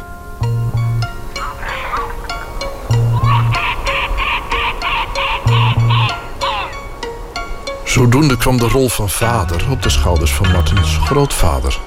Een bedreven timmerman met één karakterzwakte: drank. Op een kwade dag werd opa, ondanks een opstekende storm...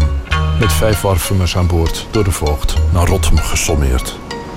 In oktober 1886 uh, uh, moesten ze op een maandagochtend weer naar het eiland. En dat is, uh, toen was er een enorme storm. Ze konden de grote boot, de grote zeilboot niet meer nemen... namens een klein, te kleine boot. En die is onderweg omgeslagen met als gevolg dat vijf van de zes opvarenden zijn, zijn verdronken op dat moment. Waaronder dus de grootvader van de kleine, toen zesjarige Martin.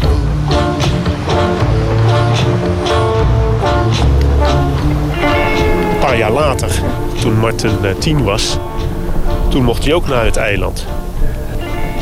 Meestal ging dat ook in seizoenen. Je kwam in mei en je ging in oktober terug.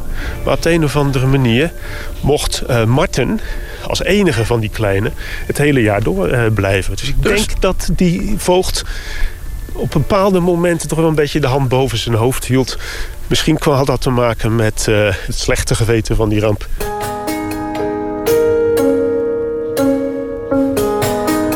Ja, die jongen had natuurlijk eigenlijk naar school gemoeten, maar hij zat op het eiland. Ja, eh, voordat hij naar het eiland ging, is hij heel onregelmatig school gegaan. Uh, Meestal, of vaak moest hij werken. Als er even werk was voor hem, dan moest hij werken.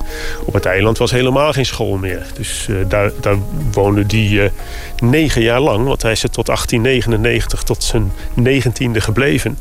Tussen, tussen een paar, zomaar een paar mensen.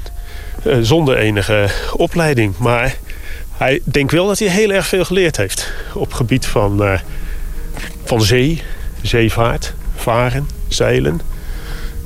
We kennen Martin senior eigenlijk allemaal als uh, walrus, toch? Ja, walrus. Dus uh, nog duidelijker denk ik als kappie in, in andere strips. Maar als je heel goed de bommels van Toner Junior leest... Dan, dan zie je heel veel van de vader ook in, in Walrus. We staan dus nu aan het einde van de, van de stijger van Noordpolderzeil. Wat hierna komt, nou, dat kan ik wel even laten horen wat het is. Dat is dus...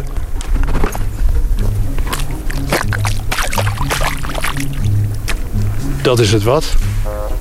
Hij had zomaar in die klei kunnen blijven, maar dat is niet... Hoe is het uiteindelijk gekomen dat hij van het eiland walrus is geworden? Hij uh, is in. Uh, uh, hij, is, hij, is, negen jaar op het eiland gebleven. hij moest er vanaf omdat hij op moest voor zijn militaire dienst. Hij is toen een, poosje bij de marine in Den Helder geweest. En daar kwam hij erachter dat hij ja, dat, dat, dat je ja, inderdaad ergens onderaan stond. Hij, niemand kon hem verstaan, want hij sprak natuurlijk een oer-Gronings. Hij kon zijn, zijn naam niet schrijven. Hij kon nauwelijks lezen, schrijven, rekenen. Zo goed als niets. En toen heeft hij besloten dat hij weg uit de klei moest.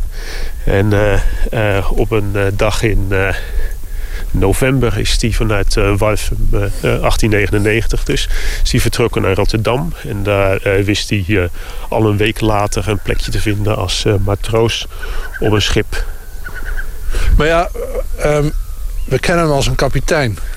Ja, nou, toen was er nog een hele lange weg te gaan voor hem. Want met veel geluk en ook veel doorzettingsvermogen heeft hij zijn kans gegrepen.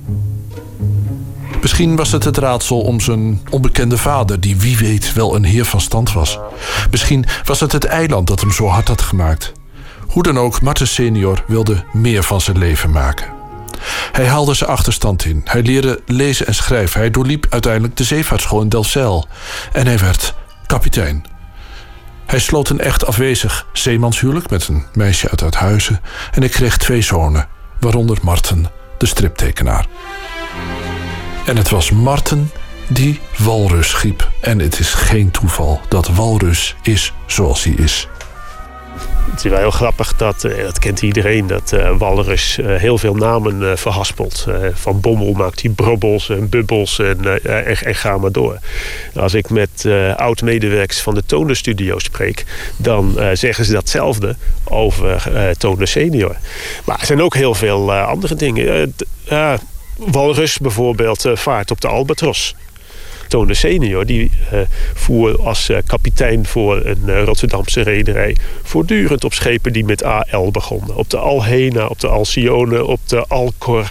En dat kan niet toevallig zijn. Martin die schrijft op een gegeven moment over zijn vader... als hij aan boord is met een stem als een boei of wat was het ook weer? Toen voer uh, Martin en Jan Gerrit ook als kind... Uh, voeren ze een keer mee uh, naar Hamburg. En toen werd die vader in zijn ogen ineens een hele andere man.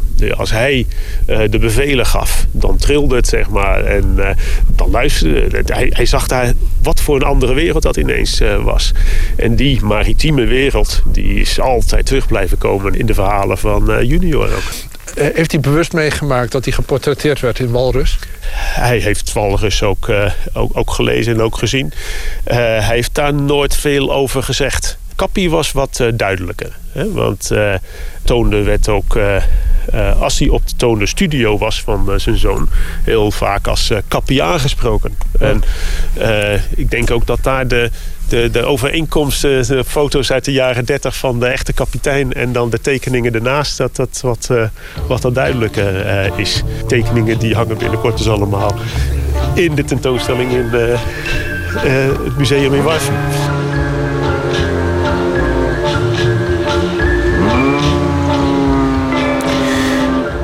Erik de Graaf, auteur van de biografie Marten Toonder, senior, afgelopen weekende uitgekomen. En in het Openluchtmuseum in Warfum is ook een tentoonstelling te zien over vader Toonder.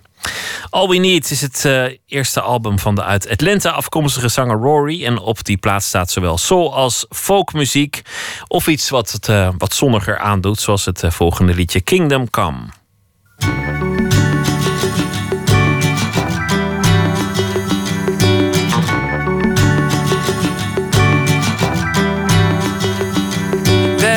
People lying, children crying, wonder why this earth is dying. Yeah, she's dying, yeah. Oh, yeah. There's preachers sinning, evil winning. Times I fear this world is ending, world is ending, yeah. Oh, yeah.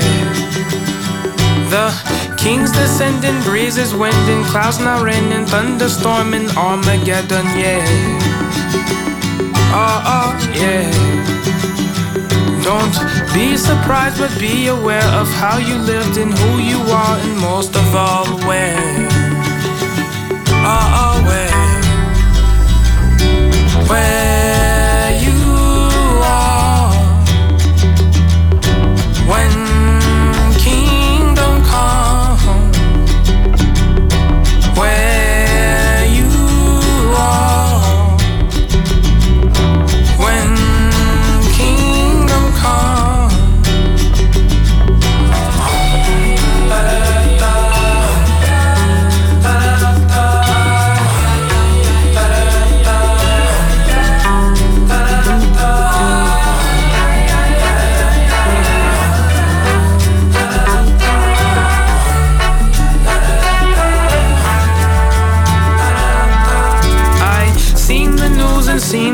lies. They kill my kind. The system's blind. The system's blind. Yeah.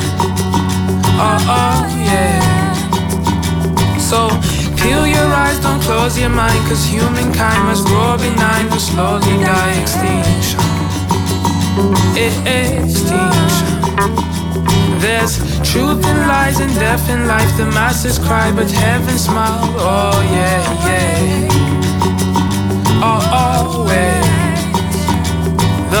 Trees that grow, the leaves belong to Mother Nature, not to man to legalize it, yeah.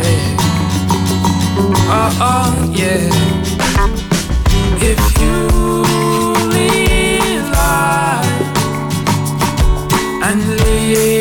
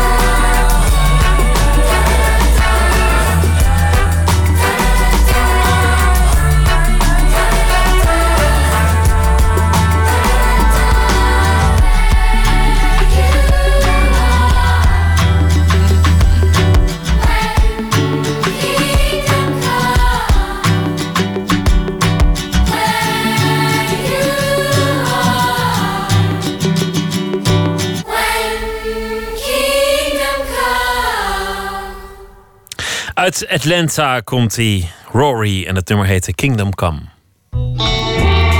Nooit meer slapen. In tijden waarin het eh, niet heel goed gaat in de journalistiek en er meer journalisten uitvliegen dan dat er worden aangenomen, kwam de correspondent vandaag met een opmerkelijke stap. De correspondent, het uh, dagelijks advertentievrije nieuwsmedium onder aanvoering van Rob Wijnberg, gaat namelijk uh, proberen diverser te worden. Ik citeer: We werken op een 100% witte redactie in een stad waar 35% van de mensen dat helemaal niet is. En dat kan natuurlijk niet, dus we zijn begonnen met het scouten van nieuw talent. Zoeken jullie mee? Al dus eh, de vraag aan de lezer. Anton de Goede is nachtcorrespondent. Goedenacht, Anton. Waarom vond je dit een uh, opmerkelijk verhaal?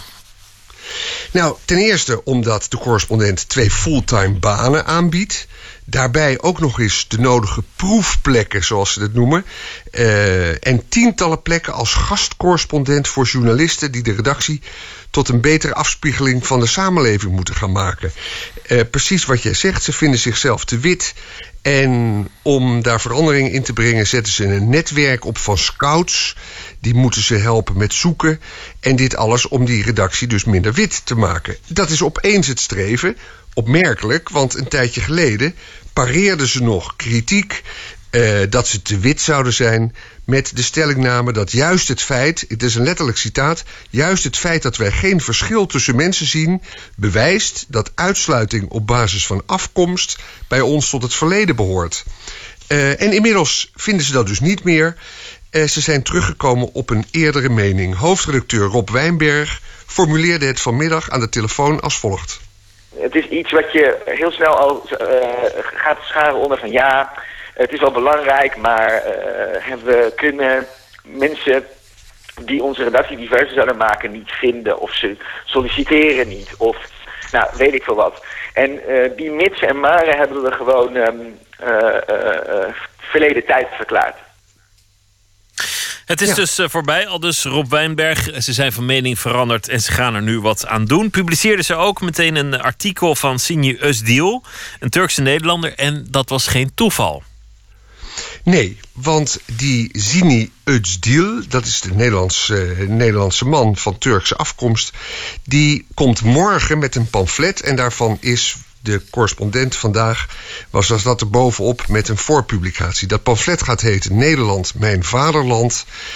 Het grappige is dat deze Uzdil vroeger de correspondent gehekeld heeft... door de uitspraak bijvoorbeeld... zelfs in de Ku Klux Klan is er tegenwoordig nog meer diversiteit... dan bij de correspondent. Ik betwijfel maar het, nu... maar, maar goed. Ik ken de Ku Klux Klan niet van binnen... maar het is ook best een witte club, maar vooruit. Het is kras. Maar goed, de correspondent zou een witte plek zijn in de wereld... en geen, uh, geen goede afspiegeling. En daar hebben ze dus nu opeens wel oren naar... En misschien is het zelfs wel deze Usdil geweest die de ogen geopend heeft van de correspondent. Ik sprak vanmiddag ook met Zini Usdil. Om te beginnen zei ik: kan jij nu in twee minuten duidelijk maken waarover je morgen te verschijnen pamflet gaat? En dat heeft hij geprobeerd. Luister. Nou, de kern van mijn betoog is de volgende vraag. Waarom snappen wij met z'n allen nog steeds niet dat Usdil ook een Nederlandse naam is? Dat is de vraag die ik stel ik constateer dat uh, in Nederland uh, uitsluiting nog steeds een cultureel uh, gemeengoed is. we hebben bijvoorbeeld rare woorden zoals allochtoon die we gebruiken om inwoners van ons land te duiden. zowel wit als zwart denken nog steeds in uitsluitende termen. En ja, vanuit die vraag heb ik dus een analyse gemaakt waar historisch gezien die Nederlandse uitsluiting vandaan komt. Bijvoorbeeld in de 17e eeuw werden katholieken slechts bijwoners genoemd, letterlijk. Uh, ze waren een feitenkolonne van de paus, uh, volgens het culturele beeld. Ze waren niet te vertrouwen, ze werden alleen getolereerd, ze moesten in schuilkerken zitten, enzovoorts, enzovoorts. Ook voor andere uh, minderheden was het zo. Maar het was wel tolerant, hè? dus ze werden niet per definitie vervolgd, maar ze werden getolereerd als een soort van ja, minderwaardige ander.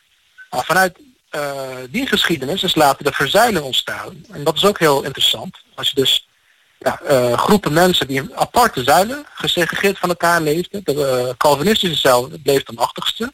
Uh, van daaruit werd een soort van gesegregeerde poldercultuur gecreëerd.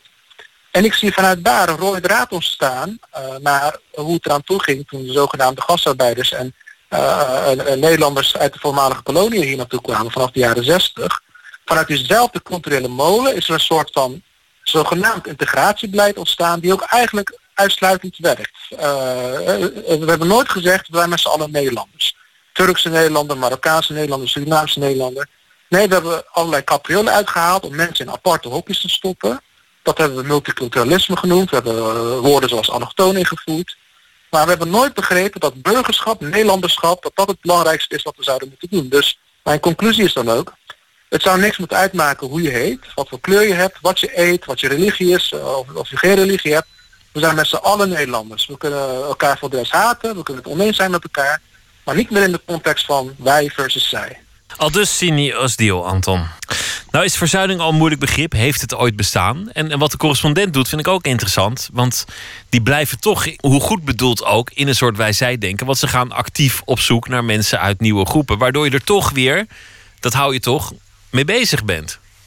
Ja, nou zij willen er toch drastisch verandering in brengen en proactief denken, zo noemen ze dat. Ik vroeg aan Rob Wijnberg wat hij zo goed vindt aan dat essay van Zini Usdiel. Luister.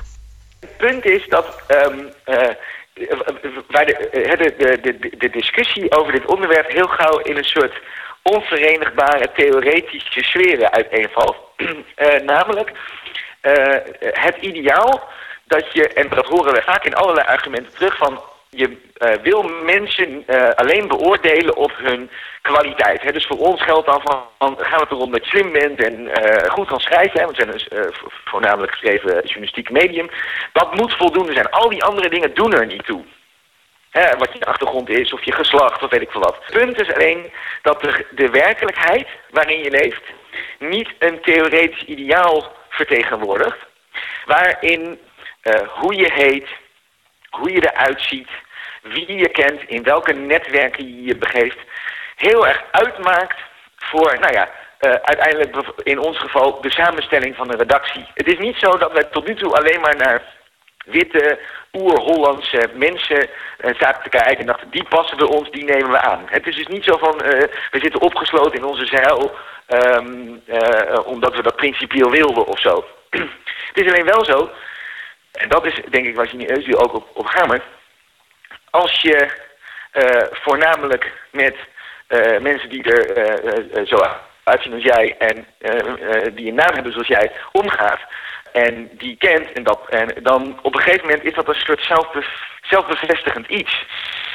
ik kan me goed herinneren dat iemand bij mij omdraaide en zei, stel dat je een Marokkaanse correspondent hebt, waar alleen maar Marokkaanse Nederlanders werken. Zou jij je geroepen voelen of uitgenodigd voelen om daar dan op te solliciteren? Of zou je denken, nou, misschien dat ze dat niet willen of misschien pas ik daar niet. Nou, dat is niet bewust en dat is niet intentioneel, maar het is wel de werkelijkheid.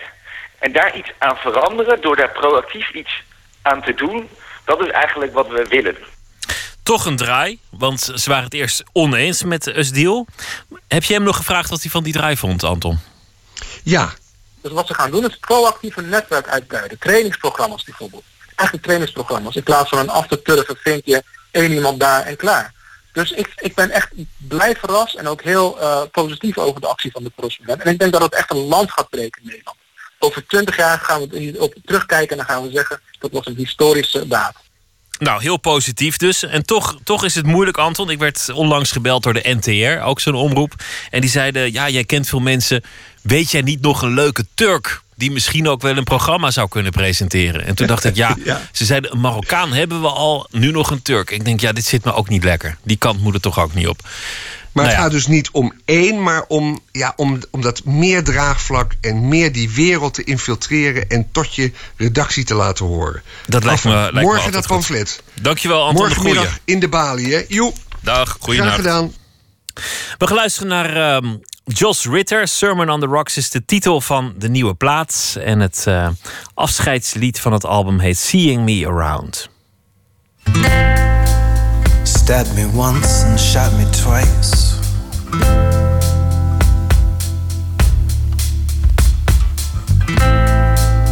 Threw me off of the bridge and through the ice.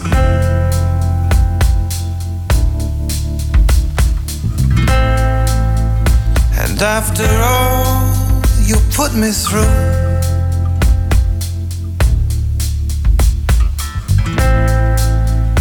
seems our champagne days were few.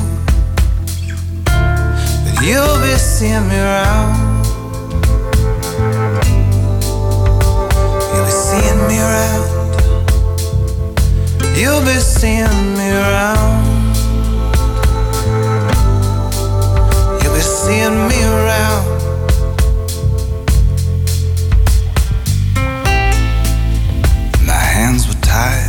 my clothes were torn.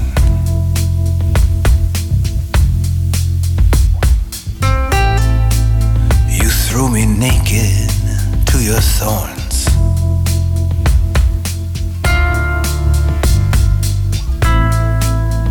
And sent me out in vain to find.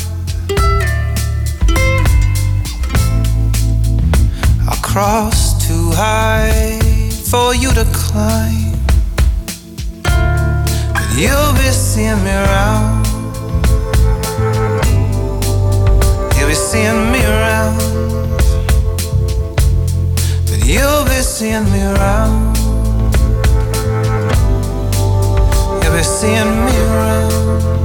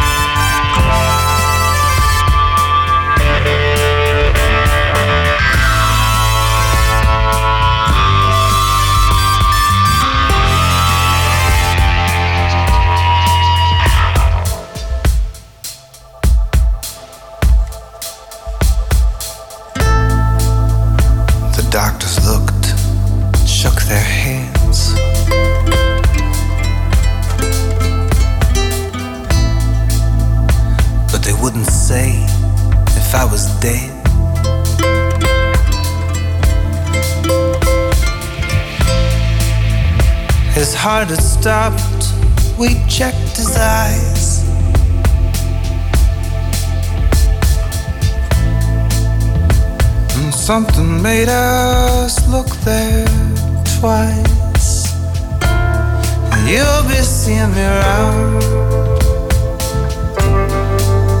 You'll be seeing me around. You'll be seeing me around. You'll be seeing me around.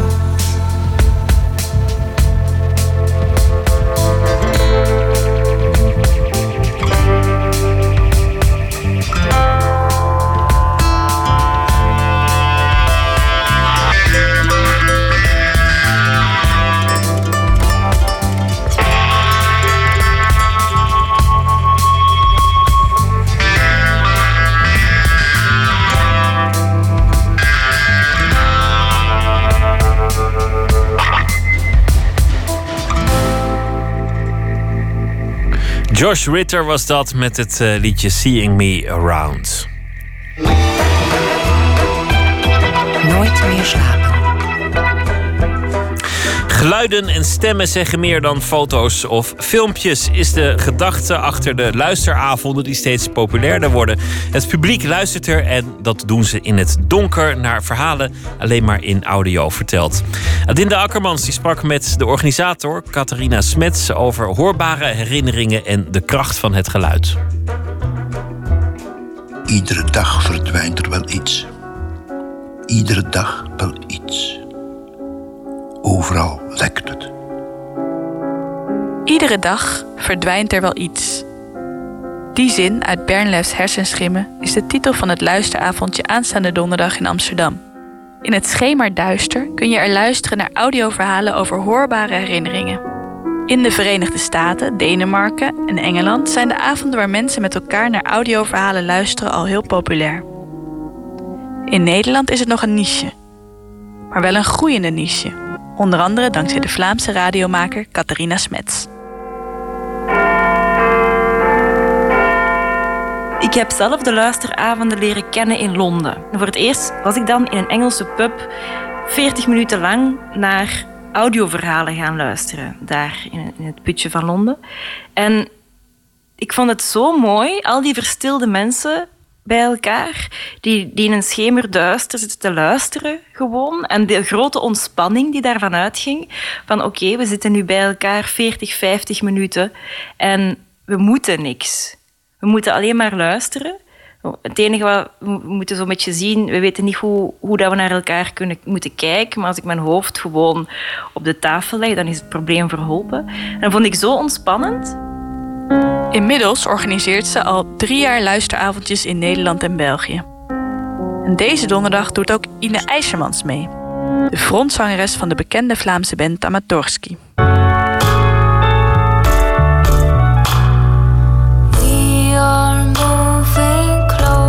En ik was echt direct fan van, van zo'n avond. Het is gewoon heel veel ruimte voor verbeelding. Iedereen zit in zijn eigen hoofd. En daarom dat beeldcultuur daar misschien ook wel nauw mee verbonden is. Maar het is gewoon, iedereen heeft daar een eigen geeft daar een eigen interpretatie ook aan. En er is meer ruimte voor je eigen verbeelding eh, dan bij bijvoorbeeld een film? Ik denk het wel, omdat een camera veel meer stuurt en ehm, zo sneller isoleert, of je blik isoleert of je denken isoleert. Terwijl bij, bij audio vind ik net iets anders en veel groter. Soms als mensen naar een, naar een luisteravond komen, zeggen ze... Wauw, ik heb, ik heb allemaal dingen kunnen bedenken. Of er zijn allemaal herinneringen bovengekomen. En ja, ik denk dat misschien... Ja, ik, ik ben geen hersen- of neurospecialist of zo. Maar misschien tapt geluid ergens een, ja, van een kraantje in je brein waar herinneringen opgeslagen liggen. En dan werkt dan helemaal anders dan het visuele. Het is zoiets als zo, ja, je kan iets ruiken en komt er een herinnering. En misschien werkt het juist hetzelfde met, met geluid. Gisteren hoorde ik het uh, kraken van een parket in gewoon een oude, oude ruimte in Antwerpen. En ik denk dan meteen aan het parket van mijn oma in Polen. Juist hetzelfde kraken. Het hele typische kraken van een slecht onderhouden parketvloer.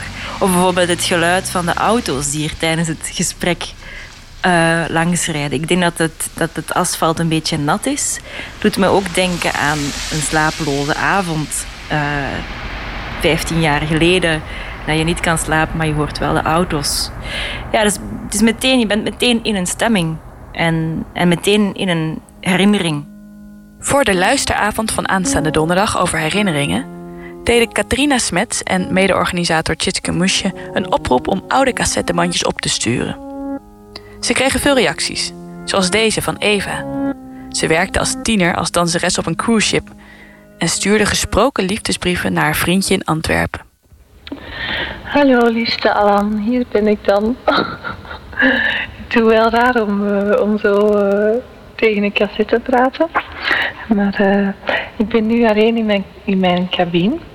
we moesten er juist met onze reddingsvesten naar boven, want um, om te, te, leren dat je aan moet doen. Wat je moet doen. En Alain stuurde natuurlijk cassettebandjes terug naar de haven waar zij zou aanmeren.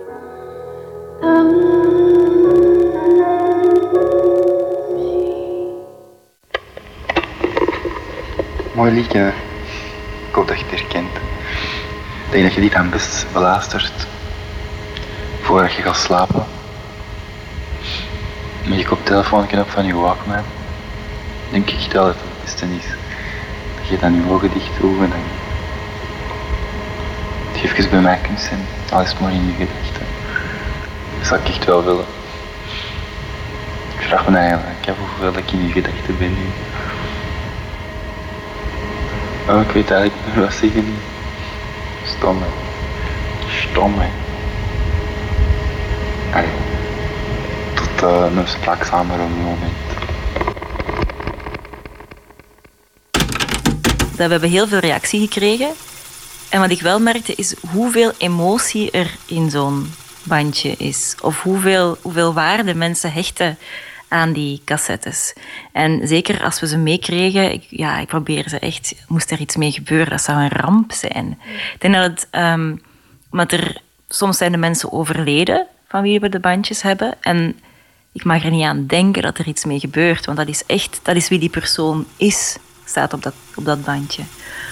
Dus uh, ik denk dat de emotionele waarde precies, lijkt mij, hoger ligt dan een foto. We zijn meer onze stem dan dat we ons gezicht zijn? Ja, ik kan enkel voor mezelf spreken, maar ik kan ook alleen maar verliefd worden op iemand die een mooie stem heeft. Ik vind het onoverkomelijk als iemand een lelijke stem heeft, bijvoorbeeld. Dat is echt een heel, heel belangrijk deel van iemands persoonlijkheid. Daar zit tederheid in, daar zit de warmte in, daar zit de humor in. Uh, zit, zit voor mij in alle stemtimbres en timing en, enzovoort. Je kan een onhandige puber zien op een foto, maar je kan niet de humor van die puber zien, bijvoorbeeld. Dat is, dat is best wel tweedimensionaal en dat een, dat een geluid driedimensionaal is. Gek genoeg. Terwijl als je uh, een home video had, dan had je ook nog beeld erbij. Is er dan ook nog een voordeel van alleen geluid boven geluid en beeld? Ja, omdat je, je ziet het gezicht niet. Dus je kan, wat dat je eigenlijk ziet, zijn de gedachten van iemand. Of wat je eigenlijk hoort, zijn de gedachten van iemand. En als je er beeld bij ziet, dan word je soms wel afgeleid door het beeld. En dan zie je, oh ja, we zijn visuele wezens, dus we kijken eigenlijk altijd. Maar als je enkel het geluid hoort, dan, dan moet je wel... Ja, dan verschijnt eigenlijk een persoon, een gezichtsloze persoon voor je of zo. Dan, dan moet je echt focussen op de persoonlijkheid zelf. Want dat is de stem, denk ik. Het is best wel filosofisch, zou ik nu zeggen, hè? maar... Zelf nemen Catharina en Inne nog steeds veel stemmen en geluiden op voor later. Al doen ze het nu met hun iPhone. Voilà. Wacht even, wat zou dit nu zijn?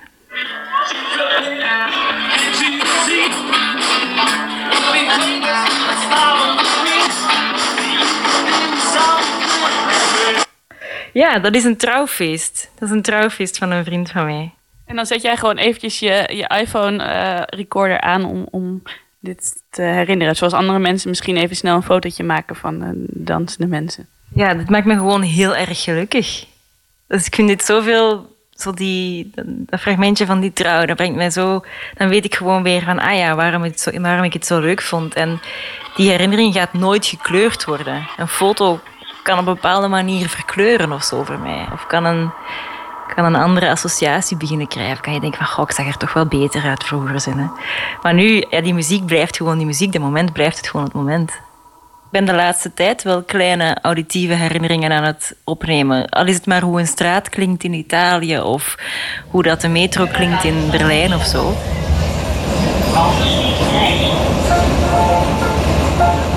En is het echt van oké, als ik me niet goed voel of als ik me droevig voel of zo, ga ik gewoon even naar San Marco luisteren in Venetië. En dan komt alles wel goed. Zijn jullie denk je meer dan andere mensen auditief ingesteld? Dat je meer let op wat je hoort? Ja, het is beroepsmisvorming natuurlijk. Maar ik denk wel dat mensen heel auditief zijn ingesteld, maar het niet altijd weten. Denk dat het heel vaak is audio iets dat je pas mist? Of, het, of is een soort bepaalde kwaliteit van geluid iets dat je pas mist als je het niet hebt? Bijvoorbeeld een heel lawaaierig café. Dan denk je van waarom ben ik hier niet zo graag? Ah ja, de akoestiek is hier heel slecht. Bijvoorbeeld. En ik denk dat het is misschien wel een interessant experiment om eens te doen. Als je geluiden op subtiele wijze in een ruimte zou, zou laten zijn. Of ja, als, je, als je geluiden op een subtiele wijze in een ruimte instuurt. Of mensen die dan anders gaan voelen. Ik denk het echt wel. En denk, eens je erop begint te letten, kan je echt niet anders dan het alles, dan altijd overal van alles in horen, denk ik.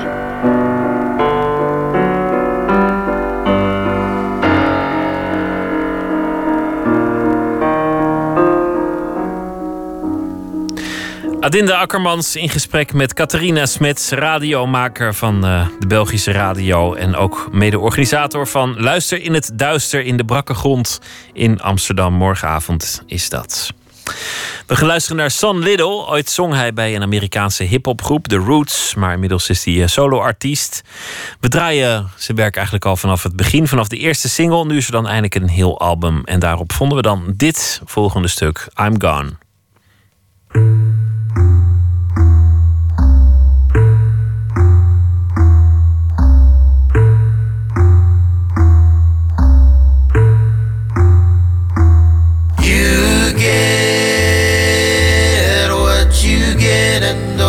Expect a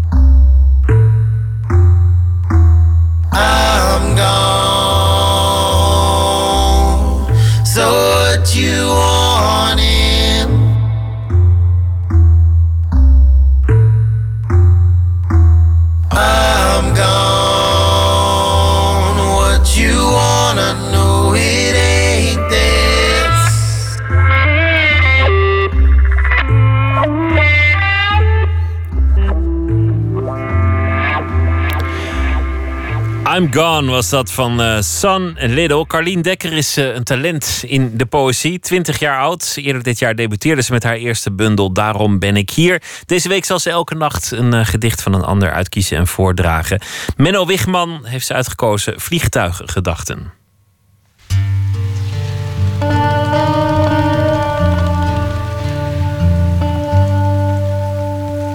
Vanavond wil ik graag een gedicht voordragen van Menno Wigman. Het heet Vliegtuiggedachten. En dit gedicht sprak mij aan omdat ik mij in kan beelden dat hij in een vliegtuig zat. En het gedicht over zijn overleden vader, die inmiddels al tien jaar was overleden, schreef. Terwijl hij door het vliegtuigraampje naar de wolken keek. Vliegtuiggedachten. Het donker had mijn vaders kleren aan toen ik vannacht een vliegtuig nam. Ik ging gelaten door de douane door en zat vertreurd te staren door het raam. Het donker, vader, had je kleren aan. We stegen op, een wolk, toen nog een wolk, zo kwam je jaren na je dood weer door. Ik vroeg me af waar je nu overnacht, dacht aan je stem, ons huis, je hoofd en zag een sneeuwwoestijn waar niemand woont. Als ik me niet vergis, papa, bewaar je zelfs geen beeld meer van je eigen dood. Het donker heeft ook niet je kleren aan. Al tien jaar ben je van je huid beroofd. Ik zoek niet langer woorden voor vergaan. Carlien Dekker was dat. Vliegtuiggedachten, een gedicht van Menno Wigman. Dit was Nooit meer slapen voor deze nacht. Morgen dan is Midas Dekkers te gast. Wens ik u een hele mooie nacht. Morgen een leuke dag en graag weer tot dan.